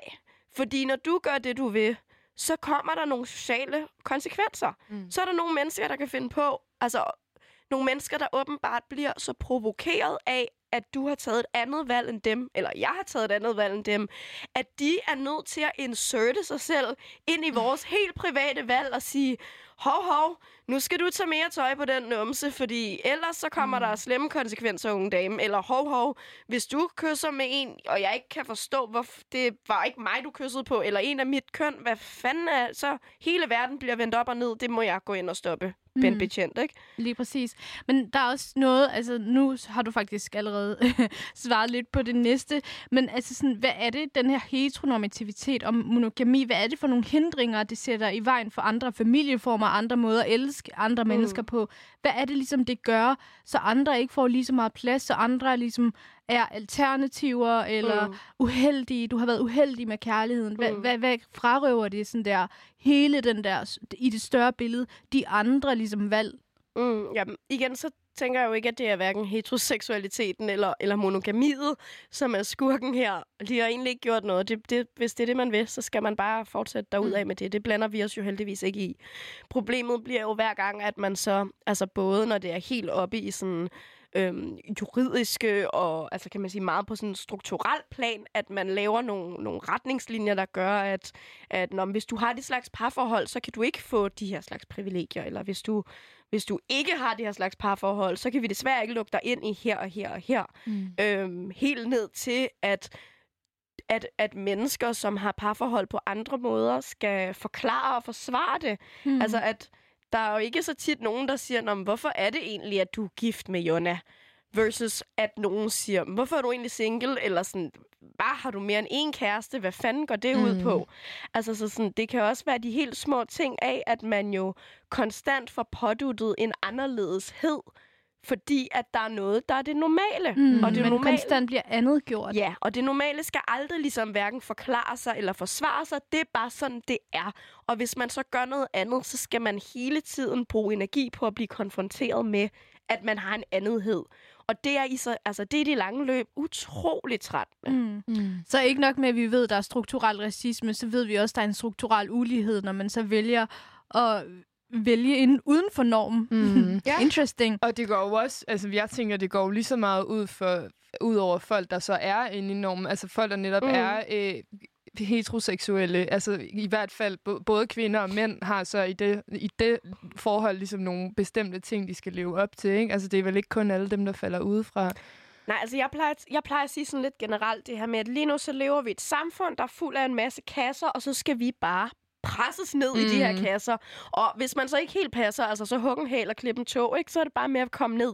Og hvis man er mand, så kan man ikke lide lyserød, man hører ikke Ariana Grande. Og hvis man er kvinde, så kan man i hvert fald aldrig få lige så meget i løn, fordi man kunne også have menstruation, og så lige pludselig ikke være lige så dygtig en leder eller et eller andet. Ja. Damn. Og, og jeg plejer bare sådan lidt at sige, at vi skal jo ikke tilpasse os kasserne. Mm. Det er ikke os, der skal tilpasse os samfundet. Vi skal lave et samfund, der er tilpasset os. Mm. Alle os. Med alle de diversiteter og forskellige måder at være mennesker på. Mm.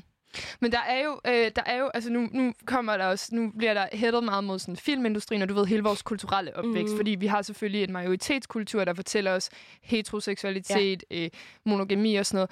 Men der, der er jo begyndt at komme nogle initiativer, altså når du siger det, så tænker jeg jo, de har jo også kørt sex med Maja, for eksempel, mm. som er et meget seksuelt, sexpositivt. hunkøn. Øh, frigjort, eller Nå, ja. hunkøn. Ja. ja og, så, og så tænker jeg sådan, hvad, hvad, hvad tænker du er, er løsningerne for den her datingkultur? Altså, hvordan gør vi ligesom, hvordan gør vi det ordentligt? Hvordan starter vi forfra? Hvordan bryder vi de her roller, Ja. uden selvfølgelig at fortælle folk, hvad de må gøre, hvad de Mm. ikke skal gøre? Og sådan, Mm. er det, det er repræsentation i film? Er det øh, seksualundervisning? Hvad, hvad tænker du er effektivt?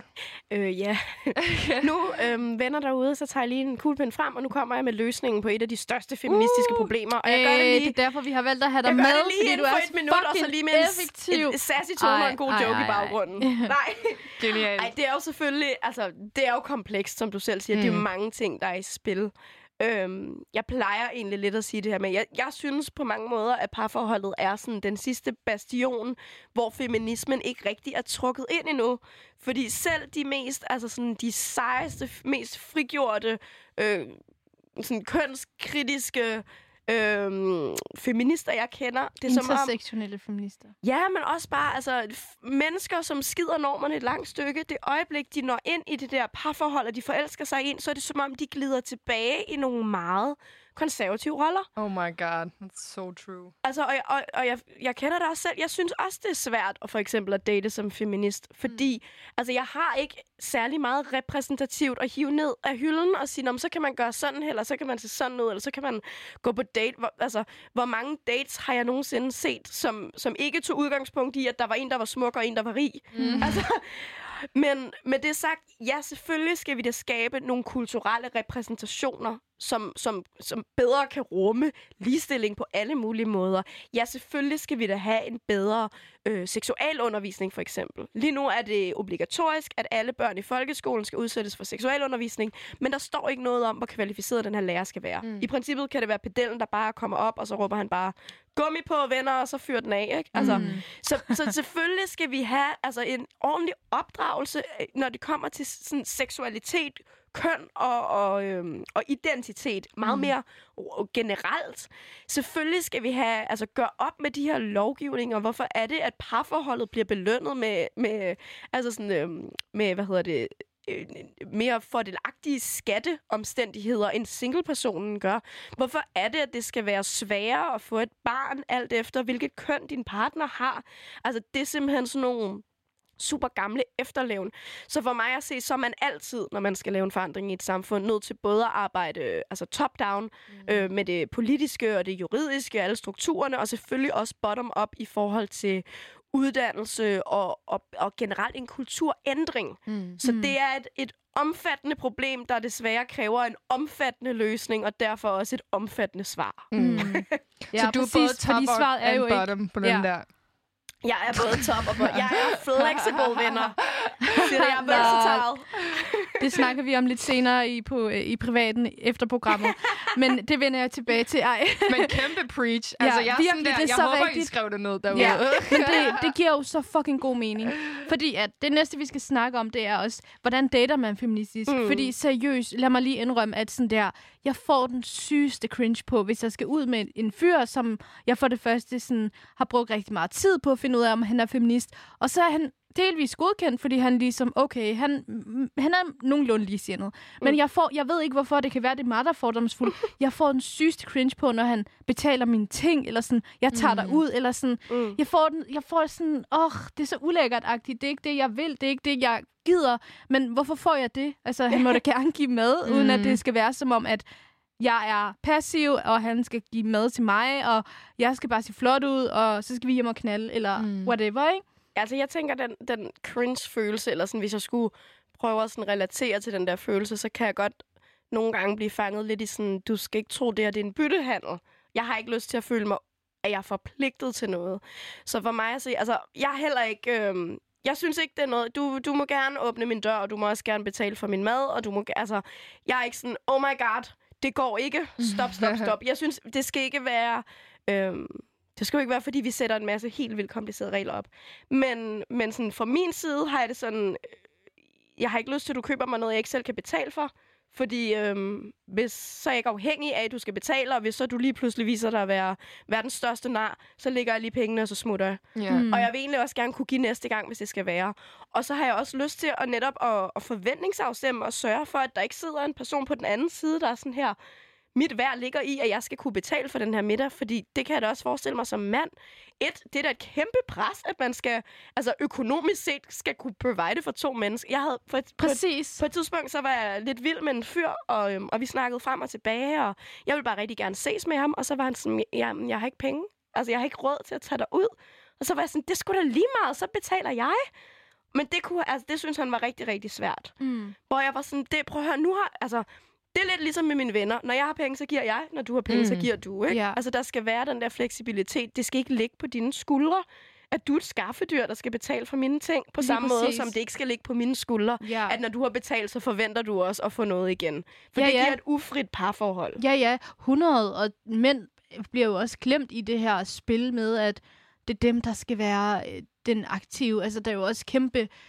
Hvad kan man sige? Der er jo så mange strukturer i det, som Ja. også undertrykker mænd og ligesom sætter nogle u- helt fuldstændig uopnåelige krav til dem, ikke? Altså, det er jo det, der er så nederen med patriarkatet. At alle ja, mennesker præcis. taber på det. Jeg elsker, at vi har fået en i studiet, Alle som bare mennesker. ranter om patriarkatet. Jeg gør det hver eneste gang, men det er jo altså, der. Du alle skyder bare alt på patriarkatet. Alle mennesker taber på det, fordi altså, selv dem, der tror, at de vinder, I bliver stadig tvunget til noget, der er super nederen, eller sådan, I ikke behøvede. Mm. Men jeg har faktisk et godt trick øhm, til Tinder. Så kan. Tinder-eksperten måske mm-hmm. lige øh, godkende eller afvise. Jeg swiper højre eller venstre på ja, den. ja, det ville være rigtig fedt. Fordi at, jeg synes nemlig... Øhm, Altså noget, noget af det, jeg er rigtig glad for ved, at mit brand er blevet lidt større, det er, at alle de sådan ved, at jeg er en sindssyg feminist, og så skalerer det ligesom, det, det tager ligesom et godt filter for de værste sådan røvhuller. De skriver We ikke til love mig you, længere. girl. We Ja, love you. det- Så Hvad er det, du hedder på Insta, eller på dit uh, bio? Dick Pic Slayer. Ja. Dick Pic Slayer, Ja, wow. alle dick pics slayer. Nå, men, men det er egentlig en af sådan... Jeg har, jeg har benyttet mig en del af Tinder i perioder. Og en af de sådan gode icebreakers, jeg har benyttet mig af, det er sådan en... Øh, Hej, hvad synes du om abort? For det er bare så meget fint lige at få ud af... Fordi hvis der, der så er en, der skriver, I'm pro-life. Godmorgen, hvad synes du om abort? Nej, men prøv at høre, hvis de så skriver, I'm pro-life, så er jeg sådan, delete. Ja. Mm. Fordi det behøver jeg ikke at bruge min tid på. Altså, så nogle gange, så smider jeg skulle lige sådan en, uh, en god feministisk statement ud, og så ser jeg lige, hvordan reagerer du på det? Sådan en lille test. Mm. En lille, en, du ved, femitesten. Mm. Det er sgu meget godt, fordi Ja. jeg gider heller ikke at bruge hele mit liv på at skrive med en eller anden, der så viser sig at være sådan, om jeg havde forventet, du skulle stå i køkkenet. Ja. Nå, men ven, øh, skulle vi knalde i køkkenet? Eller Hvad en, der der siger, hvad, er den der trøje ikke lidt for gennemsigtig? Eller sådan. Åh. Så kan du lade være med at købe den og tage den på, hvis den er for gennemsigtig til dig. Eller, undskyld, skal du ikke barbere dig selv? Skal du ikke barbere din fisse? Jeg kan godt lide min fisse barberet, så man sådan, barber din fisse, Ja, så... så barber din egen fisse. Så, så svaret er lidt sådan det, her på, hvordan man dater feministisk. Det er det, vi prøver at komme frem Mm. til, fordi vi jo skal på nogle Tinder-dates her, Ja. ja. så vi skal lige vide det. Altså, det handler noget om sådan værdiafstemning. Man skal Ja. finde ud af, at man har de samme værdier. et, et, jeg tror i hvert fald et værdigrundlag, fordi jeg har også ligesom anerkendt, at, øh, at jeg tror ikke, at jeg finder sådan manden, der skal føde mine børn, som så ligesom bare far ind i rummet og er sådan der øh, pussy power, Ja. go, go, go. Så jeg tænker, det, jeg behøver ikke at finde en livspartner, som, øh, som er sådan, jeg er erklæret feminist. Mm. Men jeg kan ikke finde en livspartner, som, som er antifeminist. Mm. Vi er nødt til ligesom at have et grundlag, der hedder, alle mennesker er lige. Mm. Altså det er lidt ligesom, vi, altså ingen af os herinde kunne heller gå på date med en nazist, selvom de var rigtig søde mm. øh, til CrossFit eller et eller andet. Altså det kan man bare ikke. Der er nogen... Ja, Eller men- i Fitness World, måske. Ej, men hvis man... Nå ja, åh. No Åh, shit, don't mention no the war. Det, det jeg ikke engang at åbne op for det der. Ej, men vi altså tager lige den en anden præcis, gang. Ikke? Ja. Altså sådan, så, så der er nødt til ligesom at bære en eller anden grundlæggende værdiafstemning, og den synes jeg godt, man sådan lidt friskt måske kan finde med sådan en lille, hey, hvad så, abort? Ja. Mm. Hvad føler du, ikke? Mm. Eller sådan, der, der er nogle ting, man lige kan, man lige være, hey, me too. Ja, mm. nu skal I høre, damer. Nu skal I høre, fordi jeg har skrevet ind på min, øh, sådan, ind på min bio, ind på Tinder har jeg skrevet, jeg er hele tiden træt, fordi jeg, jeg er hele tiden udmattet, fordi jeg på daglig basis bekæmper patriarkatet. og så allerede der, hvis folk matcher med mig udelukkende for at disse mig, ja. så Ja. kan jeg også bare cutte den der. Det var da også irriterende, når der er nogen, der matcher for det. Det er der, der er seriøst nogen, der udelukkende Ja. matcher for så at sige, øh, der er ikke patriarkat, fordi vi har en kvindelig statsminister. Og man er bare sådan der, bro, bro, bro. Det er ikke det, det handler om. Mm. Men Det igen, er også, jeg vil sige, jeg har så tit øhm, haft lyst til at matche med nogen, for ligesom at sige, venne, øhm, skal vi ikke lige snakke lidt om, hvordan man tager et godt, godt billede? Den der vinkel, den der belysning, den der gamle kameratelefon, der er helt jeg grynet. elsker dig seriøst. Altså, og, og det er bare sådan, jeg, jeg vil bare gerne coache lidt. Jeg vil sådan, du kunne se så meget bedre ud, for jeg er sikker på, at du er et skønt menneske, men det du forestiller dig i topmodel, er nogen mm. troppet op med den der slags portfolio, og Ja. ja. bare var sådan, det her det er mit billede, klik, klik, Jeg helt elsker grynet det. Ved du hvad, en af mine veninder, en af mine veninder, at jeg man- skal lige ja. fortælle jer noget i forlængelse af det der. En af mine veninder lavede faktisk, jeg ved godt, det her det er så crime, hun lavede en fake profil på Tinder, hvor hun skrev, øhm, hvis du gerne vil have hjælp til, hvordan du skal tage billeder og tekst, og hvordan du ligesom hvordan du laver den der catching indledning, så skriv til den her profil, så kan jeg hjælpe dig med det. Det så sødt. det, du er jo ikke den første, der har tænkt det. Vi er jo mange, der har Det- tænkt det. Eller bare, måske bare dem der, hvor det er sådan, alle dine billeder har solbriller.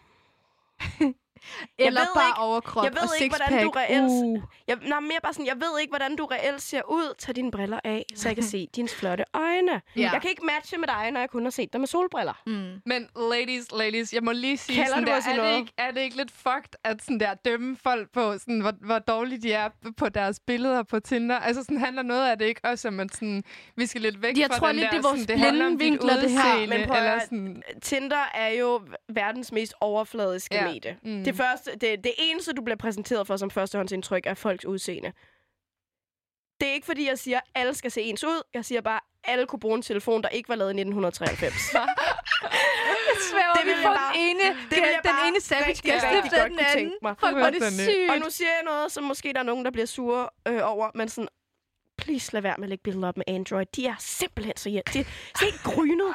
Fucking Androids, mand.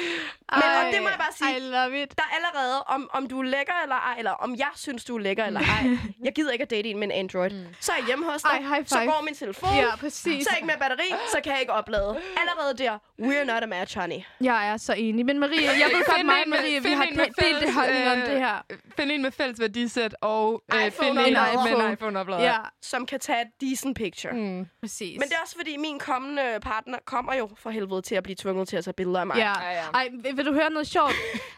det der inde på borgen, hvor jeg skulle tage billeder af dig. Jamen, det var Nå, fordi, vi tager det en anden gang. jeg, jeg tvang hende til at tage, jeg ved det ikke, 200 billeder af mig, som fordi jeg skulle bruge til at poste på min Instagram. Ja, så det var lige en lille sådan der, hvis man skal være sammen med, hvis man skal være kæreste med Louise, så skal man vide, you need to be, Vinklen Er er good. nedefra lidt skurt op. Du skal kunne gå på hook. ja, Sådan er det. elsker det. Okay. Og med det, Så, så skal vi faktisk... ja, kæmpe sidespor. Tusind, tusind tak. Seriøst, det har været genialt, det har været underholdende og lærerigt. Og øhm, vi kom jo frem til, at det her det er en omfattende kamp, men Ja. vi skal starte et sted. Og, det bliver øhm, på Tinder for jer to, kan jeg jo så høre. Ja, Det gør det i hvert fald. tusind tak. Vi Det skal, var, ja. det var Louise Kølsen, vi havde med, a.k.a. Twerk Queen. Yay! Gå ind og følg hende. Hun er fucking skarp og sjov. Tusind tak for i dag. Tak fordi du ville komme. Selv tak. Nu skal vi i hvert fald høre en sang, der handler om dating, og det er Sam Smith, To Die For. So.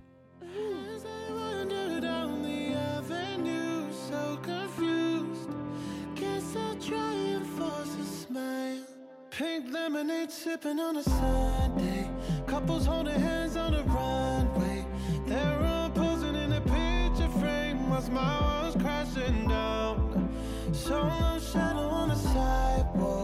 Just want somebody to die for. Sunshine living on a perfect day while my world's crashing down. I just want somebody to die for.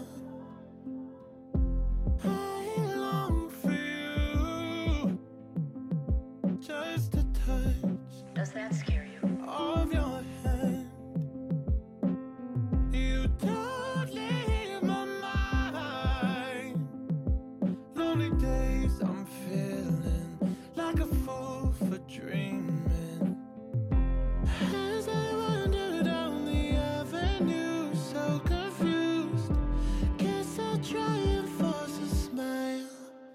lemonade sipping on a Sunday. Couples holding hands on the runway. They're all posing in a picture frame while my world's crashing down. Solo shadow on the sidewalk. Just want somebody to die for. Sunshine living on a perfect day while my world's crashing down. I just want somebody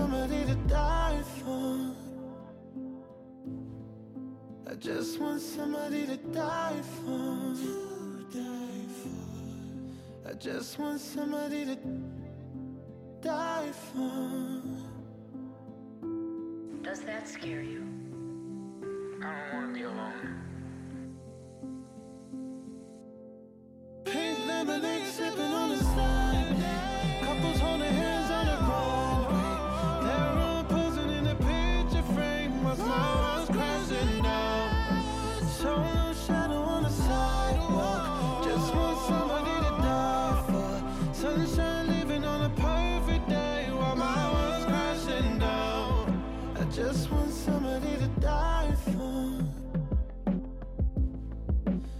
just want somebody to die for.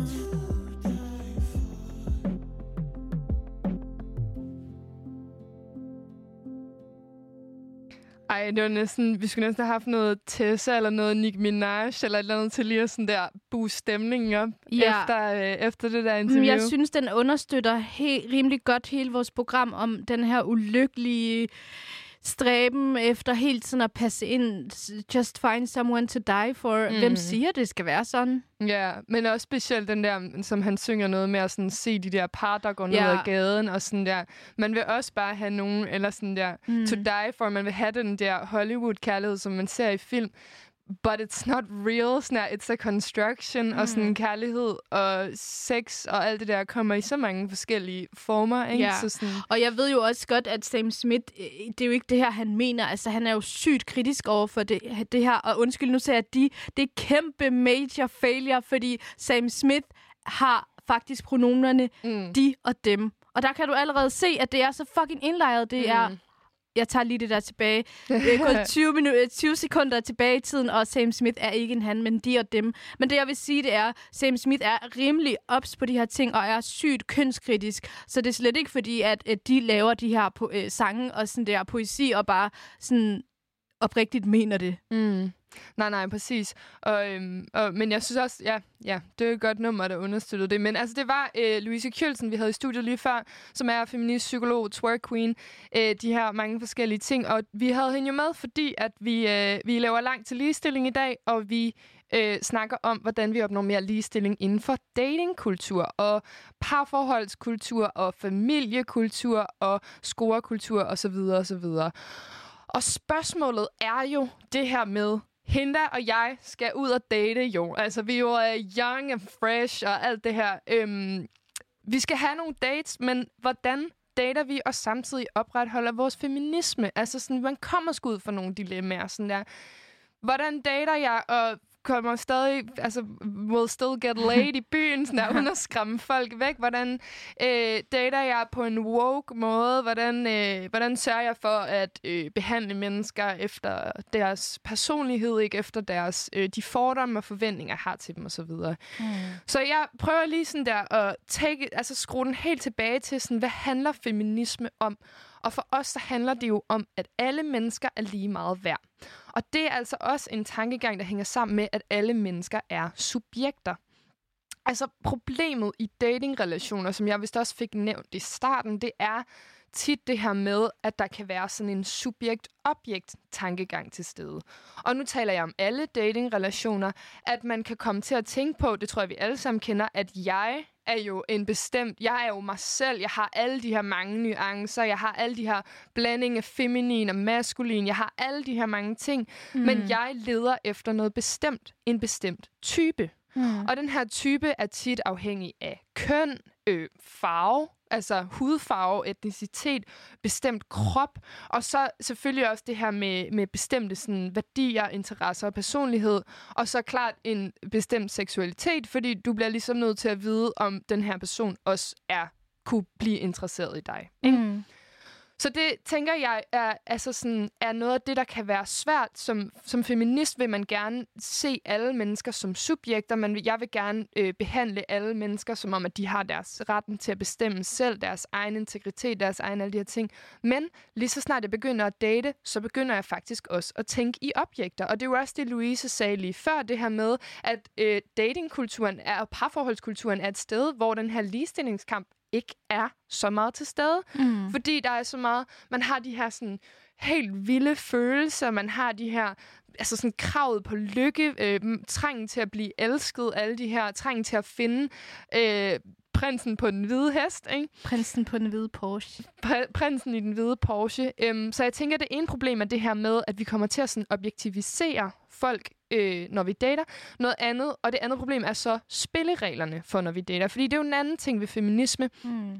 Feminisme handler for mig om, at ingen af os skal have nogle regler for, hvordan vi må opføre os. Jeg synes selvfølgelig, at man skal ikke gå rundt og slå folk ihjel. Du ved, der er nogle sådan der basale menneskelige low points, men det skal ligesom ikke være afhængig af sådan der din identitet, dit køn, din øh, alder, din hudfarve, så videre, så videre. Mm. Øhm, Jeg må gerne lige også knytte Ja. en kommentar til det, fordi at nu hvor vi jo snakker så meget om de her kønsroller, hvad der bliver forventet, hvordan jeg skal være en rigtig pige og sådan noget. Der kan jeg ikke, som sagt, jeg har jo sagt 100 gange, at jeg føler ikke, jeg passer ind, og jeg føler, at det er fuldstændig uopnåeligt, mm. og nu har jeg rækket fuckfingeren og sagt, det er heller ikke, jeg vil heller ikke opnå de der ting. Det er ikke det, jeg vil. Øhm, og sådan, det er jo bare så gældende lige nu, fordi allerede nu, hvor vi sidder her, og hvor Louise har været inde og sige rigtig meget, og vi har talt, og vi er sådan... Det her, det er jo indlejret så meget i mig, at da, da vi seriøst sad og snakkede, der tænkte jeg, ej, du er så for meget. Du råber og skriger for meget, du fylder for meget, du siger for mange ting. altså om dig selv? Ja, om mig Eller, selv. Nå, okay, ikke om Louise. Nej, nej, om, nej overhovedet ikke om det. Ja. Jeg synes, I var så fucking god, men det, jeg var sådan, hvorfor er det, at jeg Ja. sådan, hvorfor er der hele tiden en lille, en lille stemme, der siger, Tino stille, du skal ikke Mm. være så højlydt, lad nu være med at være så kritisk, Mm. du skal også lige prøve at sige det fra den anden side. Altså, ja. Hvad er det, der gør, at jeg hele tiden har et behov for at sige til mig selv, Shh, altså, nu skal du lige tige stille, eller lad nu være med at være så hysterisk. Lad nu være med at hele tiden snakke om sex, eller lad nu være med Mm. at hele tiden snakke om sådan... Ja, At- fordi det er jo det, der er problemet med den her subjekt-objekt-tankegang, som jeg har snakket om før. Det er jo, at den tankegang har bestemte køn. Altså, den har et køn, der... Altså, den, den opdeling hedder jo, manden er subjektet, kvinden er objektet. Det er derfor, kvinder skal regulere sig selv, kvinder skal se godt ud, kvinder skal det ene og det andet. Vi skal hele tiden vise den her attrakt... Vi skal hele tiden være attraktive og tilgængelige for manden, men uden at være det aktivt. Fordi det er ikke os, der skal lave the first move. Det er ikke os, der skal betale regning og så videre. Øhm, og, og, men på den anden side, så er det, altså problemet er også bare, at sådan, dating er bare ikke så lige til, fordi det der med at gå op og sige sådan, jeg kan godt lide at gifte dig med mig. Agtig. Okay, måske ikke lige ægteskab, men du ved sådan der, folk, der er så mange sådan der implicit opførsel, øh, signaler, man skal sende, og man skal søge, og man har ikke lyst til at put yourself out there, og det gælder jo ligegyldigt, om du er mand eller kvinde, så derfor er det et virkelig svært rum at revolutionere feministisk, fordi at meget af det her skal være så implicit, og vi må ikke snakke om det. Mm-mm. Øhm, men jeg har prøvet at kode det ned til sådan to issues, jeg synes, der er med øh, den her heteronormative datingverden. Og jeg tror, at det ene issue er det her med, at alle, der ikke er heteroseksuelle eller kønsbinære, ligesom bliver fucked, ikke? altså sådan, øh, ikke passer ind, bliver stigmatiseret, men at alle men det, det andet issue er, at alle, der er heteroseksuelle, skal passe ind. Alle, der er kønsbinære, skal passe ind i det her, fordi ellers så bliver du ligesom også set som fucked. Mm. So, I've been googling, og jeg har googlet how Googly, to googly, date googly. Ja. like a feminist. Mm-hmm. Selvfølgelig har du det. Selvfølgelig har jeg det. Og der er jeg kommet ind på øh, en artikel skrevet af Alexia Fatata fra elitedaily.com, som hedder Date Like a Feminist. Og jeg vil sige, øh, det er ikke den mest intersektionelle øh, woke-artikel i verden. Den er fra det kvindelige perspektiv, fra den, øh, det heteroseksuelle vinkel osv. Men jeg synes, den øh, siger nogle ret grineren ting, som jeg synes, vi kunne snakke lidt om nu. Øh, og jeg har delt den lidt op i nogle afsnit, og det starter, vi kommer altså til at starte med at snakke om, hvordan dater man heteroseksuelt og feministisk. Og øh, det første, eller det er i hvert fald det, hun snakker om, ikke? Øhm, det første øh, afsnit, jeg har lavet, hedder The Sex Problem. Mm. Fordi det, sex er jo for mange mennesker en stor del af det at date, en stor del af det at have forhold. Men også der, hvor der ligger den største ligestillingsproblem. Det største ligestillingsproblem i forhold til orgasmer. Præcis. Os bare sige det, som det er. Og hun skriver det her. Feminists don't let guys sit around and hug all the good feelings. No. Feminists demand good sex and orgasms. Feminists know that women are not just objects of pleasure at which men ogle. Women are subjects of pleasure. Women can receive pleasure too. Don't be ashamed to tell guys how your body work. Så videre, og så videre. Og selvfølgelig er det problematisk, at hun ligesom vinkler det som om, at det er kvindens ansvar, at, at, øh, at, at kvinden skal få mere nydelse i sengen. I sengen. Men jeg synes, som samfund, som alle køn, har hun en pointe om, at vi skal væk fra tankegang om, at heterosex, der er det altså mænd, der knipper kvinder, og mænd, der kommer. Mm. Og kvinder, der er objekter for at den mandlige ejaculation. Ikke? Mm. Fordi at det leder til den her tankegang med manden som den aktive, og kvinden som den passive. Og jeg har lige et Tessa-quote med, der hedder, hvis han er kommet, Ja. og jeg ikke er, så er det mig, der ja, har tak. knippet Jeg ham. skulle lige til at sige, at vi skal lige have en Tessa over det her. Det er det. Men det, hun refererer til, det er altså the pleasure gap, altså orgasme gapet mellem mænd og kvinder.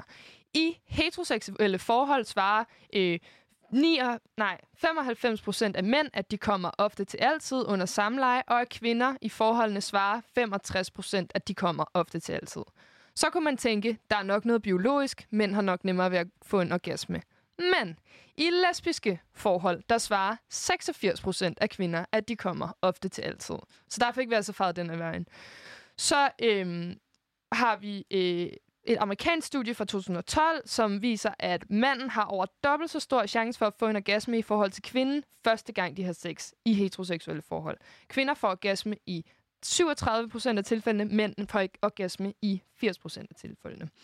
Og, at, øh, og en amerikansk forsker, der hedder Alfred Kinsey, har altså øh, estimeret, at kvinder og mænd er gennemsnitligt lige lang tid om at få en orgasme, når de stimulerer sig selv, og kommer lige tit under selvstimulation. Mm. Så der er altså ingen øh, sådan biologisk, øh, naturlig grund til, Ja. at mænd skal have flere orgasmer Nej, end kvinder. overhovedet ikke.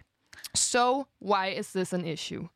Det er et issue, ligesom mange andre datingnormer, fordi at vi har heteronormativ øh, penetrationssex som det ultimative. Og det leder os jo også tilbage til kernefamilien, fordi hvad er det, penetrationssex kan? Det kan give os nogle børn, som kan arve vores jord. ikke? Som kan It's arve vores jord. it Det all bunder bare tilbage i fucking landbruget, det hele. Præcis, det hele handler om, øh, om den der fucking jord. Øhm, Det og hele handler om kapitalisme, basically. der har jeg også nogle tal med, fordi der var øh, hver fjerde kvinde i en undersøgelse fra en britisk undersøgelse fra 2017, viser, at hver fjerde kvinde kan opnå øh, orgasme ved penetrationssex. Mm. Så det er altså langt fra alle øh, kvinder, der kan det her. Og man kan jo også se, at øh, en masse lesbiske kvinder, som måske ikke har penetrationssex, sagtens kan, øh, eller får mere orgasme under sex. Så det handler altså meget om det her med, at vi skal væk fra ideen om, at sex er lige med penetration, og vi skal tilbage til ideen om, at nydelse opstår forskelligt i mænd og kvinder. For mænd opstår nydelse, eller folk med pikke opstår nydelse, måske af penetration. Mm. For folk med kusser opstår nydelse ved stimulering af klitoris. Mm. Og ved du hvad? Vi havde Tessa quote med, og vi skal selvfølgelig have en Nicolini quote, som der, hvor hun siger, øhm, 80% af alle kvinder faker, fordi latterlige hankun, øh, hu- hankøn øh, tror, penge kan magi, pumper ind og ud fem gange som maskineri fra afstumpet pornoindustri. Uh, Øh, det er så rigtigt. ja, hun har også lavet, faktisk på YouTube har hun lavet en hel sang, der bare hedder You Never, eller Why Don't You Ever Make Me Come, eller et eller andet. Den Mm. er fucking fed. Mm. Øhm, men jeg synes også, at, at der er initiativer, der er ret ops på det her nu. Altså, der er jo serier og, som Sex Education, Euphoria, der er pornosider som Bedside Productions, hvor at, og så synes jeg egentlig, der er mange, jeg har været sammen med, også i, øh, altså jeg har også været sammen med folk med pikke, der var ops på det her problem. Mm. Men jeg tror måske, det var i højere grad i mit tidligere datingliv, hvor jeg faktisk virkelig kunne mærke det her. Der, var jeg, der datede jeg også meget heteroseksuelt. Men det her med sådan, at der var bare forskel på, hvem der havde ret til mest nydelse. Hvor at det var første gang, da jeg øh, efter gymnasiet fik en kvindelig kæreste, og vi ligesom var to øh, af samme køn, at det ligesom gik op for mig, gud, der er faktisk ingen grund til, at den ene skal have mere nydelse ud af det her, end den anden. Absolut ikke. Og det gælder øh, i sex, det gælder i forhold, og det gælder i, hvem der betaler regningen, så videre og så videre. Så første That råd, damn Bill. første råd var øh, close the pleasure gap. Demand. Alle skal kræve, at alle får nydelse i sengen. Mm. Godt. Det andet, hun siger, det er, du må gerne sige nej. Hun siger, women have been taught that no is somehow not enough uh, of an excuse to get out of doing something we don't want to do. So when we reject someone, we tend to default the sorry, I have a boyfriend line and walk away. And this is always effective. Dudes hear that another dude has already staked claim, so they respect that dude and walk away. But this is problematic uh, because if we use this excuse, the only reason why the guy who was hitting on us will walk away is because of another man. Our no is not enough. What we want is enough. Og jeg tænker sådan der igen, Det er fucking godt analyseret, det der. Ja, men jeg tænker bare sådan, jeg tror, hvis jeg, jeg har nogle virkelig, jeg har nogle drengevenner, hvor jeg tænker sådan, at hvis de hørte det her, ville de tænke, ej Marie, det kræftede mig ikke rigtigt. Sådan der opfører jeg mig ikke. Altså sådan, det gør jeg virkelig. Og jeg tror sådan, Men har vi ikke også fået klargjort, at du trives, eller du går i nogle miljøer, hvor at folk ligesom har taget stilling, aktiv stilling til de her ting. Ja. Folk har ligesom reflekteret over de her ting. Men hvis du går ud på fucking mm. ar, øh, sådan Hive eller Arch, eller hvad fuck folk tager ud på nu om dage, så tror jeg altså ikke gennemsnittet sådan der er ops på de her ting. Og det er slet ikke for at Nej, sådan helt klart. shame folk, eller pege fingre, ja. eller sige, at andre er dumme. Men, Men det, er, det er også- bare helhedsbilledet. Ja, og jeg tror, at det, jeg tænker mest med det, det, jeg tænker, man kan bruge det her råd til, det er sådan set for alle parter i en datingrelation, og det gælder især også queer-relationer, hvor det virkelig sådan kan være svært at sætte grænser, fordi du ligesom ikke har al den her, hele den her filmindustri og seksualundervisning til at fortælle dig, hvordan du skal gøre. Altså det her med, du er altid, altid se dig selv som et subjekt i den her i den her relation, og se den anden person som et subjekt i den her relation. Og det handler altid om, hvad man har lyst til som individ, og det handler ikke om, at man skal bruge nogle undskyldninger. Og det er jo både for øh, kvinder, som ikke skal bruge undskyldninger for at sige nej til sex. De skal bare sige nej. Men det handler også i den grad om mænd, der heller ikke skal bruge undskyldninger for, du ved, ikke at have lyst til sex hele tiden, fordi vi kan også sætte nogle meget sådan der overseksualiserede forventninger til mænd, ikke? Altså, som de heller ikke behøver at leve op til. Og så, som du siger, så altså, er det her jo et issue. Det kan godt være, at det ikke er måske sådan det største issue i min kreds, mm. men det er jo et issue. Vi har jo en overgrebskultur, mm. vi har en voldtægtskultur, der er kønnet. Vi har statistisk set mænd, der voldtager kvinder, mænd, der overgriber sig på kvinder, mænd, der krænker kvinder, og ikke tager nej Ja, for og, et det, nej. og grunden til, at vi bliver ved med at sige mænd, det er, fordi det, de her statistikker tydeliggør jo også, at det her det er et kønnet issue. Ja. Ja, ja, og sådan, Så det er slet ikke for og alt det der, ja. men sådan, det, er, det er et kønnet issue, ikke? Nå, men så, nu kommer jeg til øh, den spændende, fordi at jeg sagde jo det her i starten med, at jeg har jo den, den her pige, der engang sagde til mig, øh, det, det, altså, du gør altid til et, alting til et problem som feminist, Marie, og sådan, du lader mig faktisk ikke helt være her. Hun vil gerne have ret til at være her med langt hår, masser af make på, være passiv Tag på art. tag på Arch. Jamen, sådan, når man ærligt talt sådan, tag på Arch, øh, at der kom nogle fyre med nogle flasker, og sådan der, spurgte hende ud. Hun var sådan der, det er fucking fri, og hun er en fucking frikøjt kvinde. Hun er mega nice, hende her. Så jeg sådan, der sagde til mig sådan der, det er faktisk lidt underminerende, at du sådan der, gør alting til et issue, at hvorfor, jeg er jo heteroseksuel, og jeg vil gerne være feminin, og jeg vil gerne alle de her ting. Men det svarer artiklen også på. Fordi der står i starten af artiklen, I'm a feminist, but I also date men who pays for my dinner. Gasp. Take a breath. I see you getting angry at me, but what if I told you I'm a femi- feminist who makes her boyfriend sandwiches? Og så står der altså det her med, being a feminist means that you believe that feminine roles are valued just as highly as masculine roles. It means you believe that masculine and feminine roles have equal importance in a relationship. Mm-hmm. This means that you basically dissolve into just uh, they basically dissolve into just roles that are not gendered at all. So both you and your boyfriend can do any of them. Preach. Ja, og jeg vil sige selvfølgelig, jeg stejler altid også lidt på det her med at dele ting om i sådan der feminine roller og Ja, maskuline præcis. roller. Det er faktisk en flydende sådan... Hvorfor skal man... Det er de der kasser, Louise også snakkede Ja. om. Hvorfor skal, det, hvorfor skal det stå så klart med det her... Mm. Put a label on it. Sådan... Mm, Men ja, jeg ved ikke rigtigt. Ja. Ja, men jeg er, også, altså, jeg er delvis enig i det her. Det er jo egentlig en rigtig god pointe.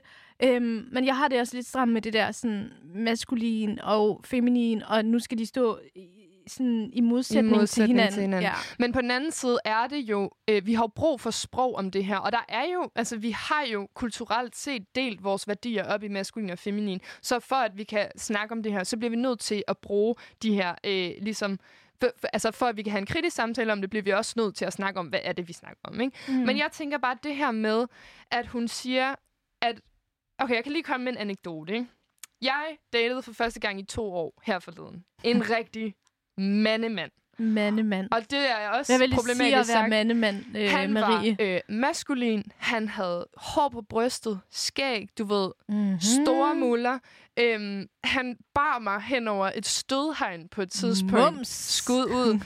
altså, han var bare sådan der. Og det var Totalt thirsty. Kan du høre mig over på den anden side? ja, du, jeg kan være, jeg skal sætte jer op.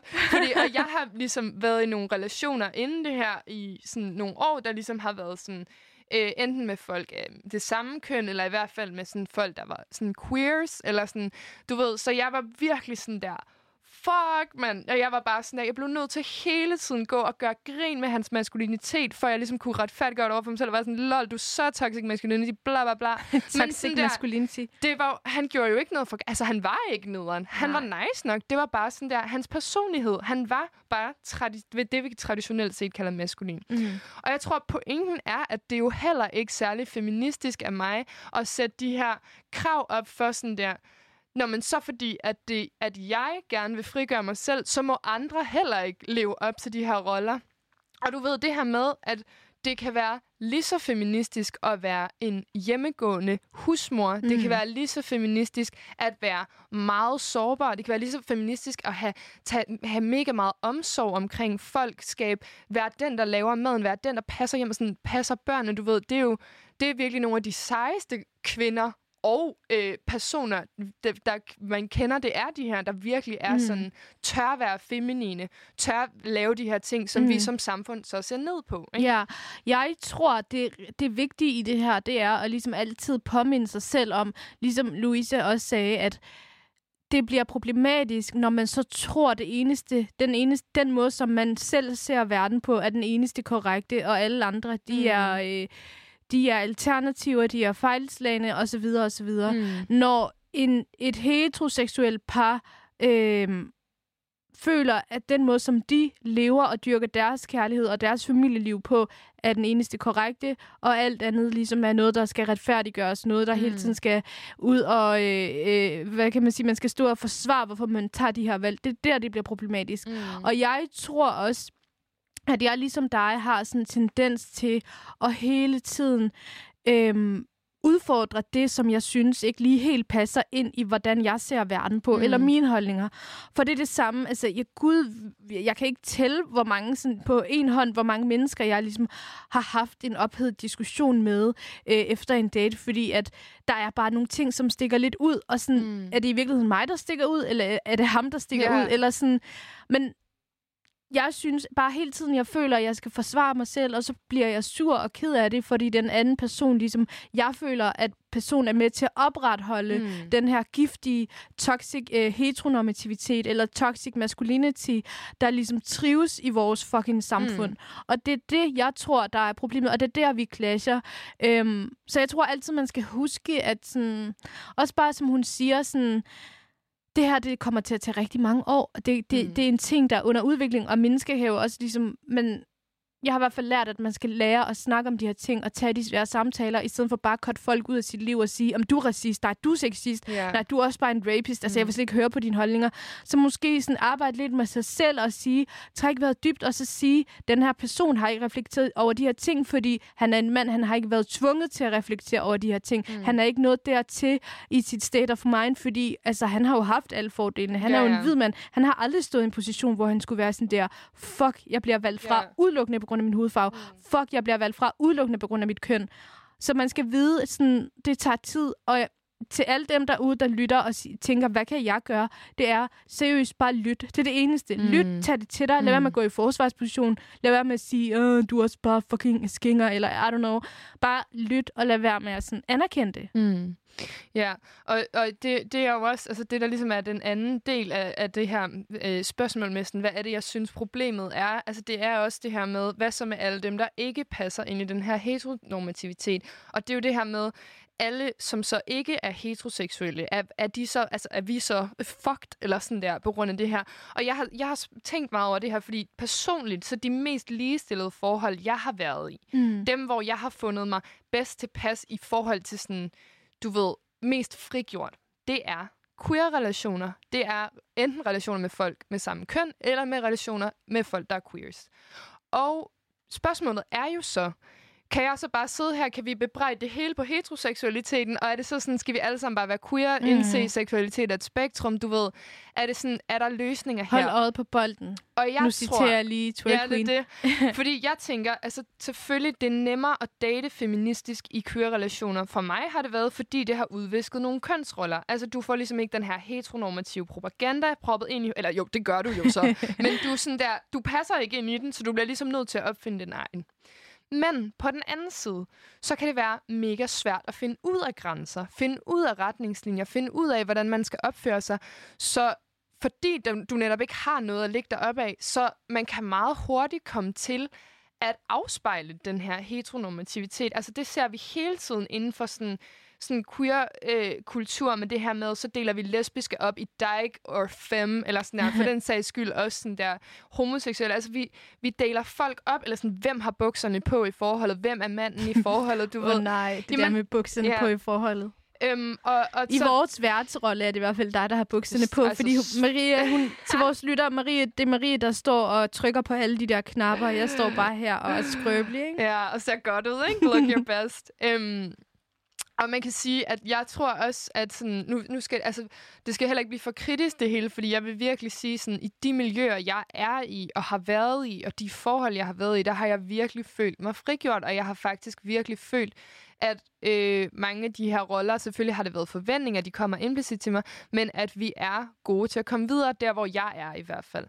Men der er bare stadig sådan, sådan og, og vi har også det her med hele det her med popkulturen, altså som som jo som vi kritiserer hele tiden for at være for, for at putte et eller andet ideal op. Altså, der er ligesom film, du ved, der er sæson 3 af Skam, der er Call Me By Your Name, der er de her film. Ja, Call Me By Your Name. Men på den anden Min side, så tænkte jeg, så derfor tænkte jeg sådan der, ej, nu, så er det jo, det er ret nice, sådan, vi er blevet ret woke med det, men så tænkte jeg sådan der, okay, Skam og Call Me By Your Name, det er de mest sådan der straight gaze homofilm, jeg har set. Altså sådan, det handler begge, der er ingen af fyrene, der er øh, feminine, de går alle sammen i sådan der normal straight fyrtøj, du ved, de har de her med sådan, de er ikke engang rigtig homoseksuelle, men så bliver de det, og sådan, der er bare sådan det her, hvor er den queer-repræsentation for folk, der er queers mm. og har været anderledes hele deres liv. Mm. Og nu siger jeg ikke anderledes for at ekskludere, jeg siger anderledes i forhold at til den samfundet kultur. har intet gjort dem. Præcis. Ja, præcis. Så sådan, der er bare fandme også langt endnu, eller sådan, og for ikke at tale om sådan der porno, hvor at vi har de her øh, kvinder med langt hår, der ligger med fucking sådan der 4 cm lange negle, og sådan der Hashtag stikker Adriana. fingrene op i fissen på hinanden. Jamen sådan der, du ved, det er heller ikke lesbisk sex, når du har ikke lesbisk sex med lange negle, det vil gøre pisse ondt. Så jeg tror sådan, jeg har øh, følt, der var ligestilling i queer-relationer, fordi at øh, der ikke var den her grund til, at der var nogen, der skulle være passive, nogen, der skulle være aktive. Der har været øh, ligestilling på orgasmeområdet. I hvert fald sådan, sex har været noget, man bliver nødt til at snakke om og reflektere over, fordi det ligesom ikke, man ikke har så mange sådan der guides udefra, der kommer til det. Men så tror jeg faktisk også, en hel del af det handler om det der med, som Louisa også siger, at, og som du lige har sagt, sådan der, at hvis du dater queers, så dater du også folk, der har været tvunget til at reflektere. Mm. Tvunget til at reflektere over kønsroller og reflektere over de her ting. Ikke? Præcis. Ja. Fordi de, deres liv bare sådan, bliver sat politisk i... I don't know, hele ens eksistens bliver hængt op i politik, og må du være her, må du ikke være her, hvem lever rigtigt, hvem lever ikke rigtigt, hvad er rigtig succes, hvad Åh, oh, What does it all mean? ja, Ja, right and wrong. Um, nej, men altså, men jeg Yes. tror, jeg har sådan, øh, jeg tror, jeg har sådan en, en konklusion på det her, hele det her afsnit, vi har lavet nu. Og den øh, kommer med en lille øh, personlig anekdote, som er vi, endnu vi, en vi elsker alle de personlige Jeg er anekdoter. sådan der, er det sådan lidt for meget? Am I oversharing? Jeg Jamen, det er også det, jeg I tænker. really know. men, men hvorfor, altså, hvor, hvem, hvem, altså, jeg er da ligeglad med, om der er nogen derude, der tænker, at du er for meget, så det er bare dem, der er for lidt. Mm. Ja, præcis. Det er ikke dig, der er for meget, det er dem, der er for lidt. ja, Snakker for meget, knipper for lidt. ja. Øhm, jeg har tænkt over, at alt det her kan koges ned til mit feministiske dilemma om, skal man shave sin kusse, inden man tager på date, eller ej. Nej. Og jeg er blevet konfronteret... Jeg har ikke shavet noget på min krop i sådan der fem år. I don't know. jeg er blevet konfronteret med min manglende shaving to gange. Den ene gang tog jeg med en fyr hjem, som jeg ikke kendte fra byen. Øh, han betalte en taxa. Vi tog hjem til ham. Han trak mine bukser af, og så sagde han, hov, du har glemt at shave. Du har glemt at shave. Så sagde jeg, nej, det har jeg ikke. Jeg shaver ikke. Så sagde han, det kan du godt lige gøre til næste gang. Den Oh anden gang god. i mit Oh, liv. he didn't. Oh, he didn't. He Ej, didn't. And, ej. og det endte, sådan, det endte rigtig galt, men ja. Den anden gang, jeg blev konfronteret med shaving, det var øhm, med en, jeg var kærester med. Han var virkelig øh, woke, nice person, behandlede mig så godt. Han, øh, efter vi havde været kærester i lang tid, vi havde snakket om mange ting, så havde vi en samtale om sex, om hvad vi godt kunne lide, om hvad vi ikke kunne lide. Så sagde han, jeg øh, kan bedre lide at slikke din fisse. Ej, jeg ved ikke, om, jeg er oversharing. Men hvis du sådan der, hvis du bare klipper hårene lidt, fordi jeg kan godt nogle gange få det i munden. Altså sådan, få det, du ved, få det galt, og sådan, det er ubehageligt. og- og det distraherer mig for at give dig en god orgasme. Og det koger bare hele det her afsnit ned til, hvordan, hvornår er noget hængt op på en kønsrolle, Og hvornår er Og det hvornår- bare ting, man gør for hinanden, fordi man elsker hinanden, og man gerne vil gøre sin, hinandens, øh, eller sit sexliv bedre. Exactly. Og så det handler, for mig handler det at date feministisk om, at vi ser folk i et forhold som ligestillede individer, hvor mange folk der nu end er en del af det forhold, at vi ser folk som subjekter, der skal have nydelse. Og det gælder både os selv, og det gælder de personer, vi er i et ægte, nej, i et forhold med. Ej, der ekskluderede du lige Der mig, eksploderer hva'? jeg lige. Så øh, med disse ord, det var det, vi havde for i dag. Mm. Tak fordi du lyttede med. Skriv seriøst ind Respekter til folk os. som subjekter. Mm. Sørg for, at alle nyder lige meget. Gå efter øh, bolden, og ikke gå efter manden. Yes.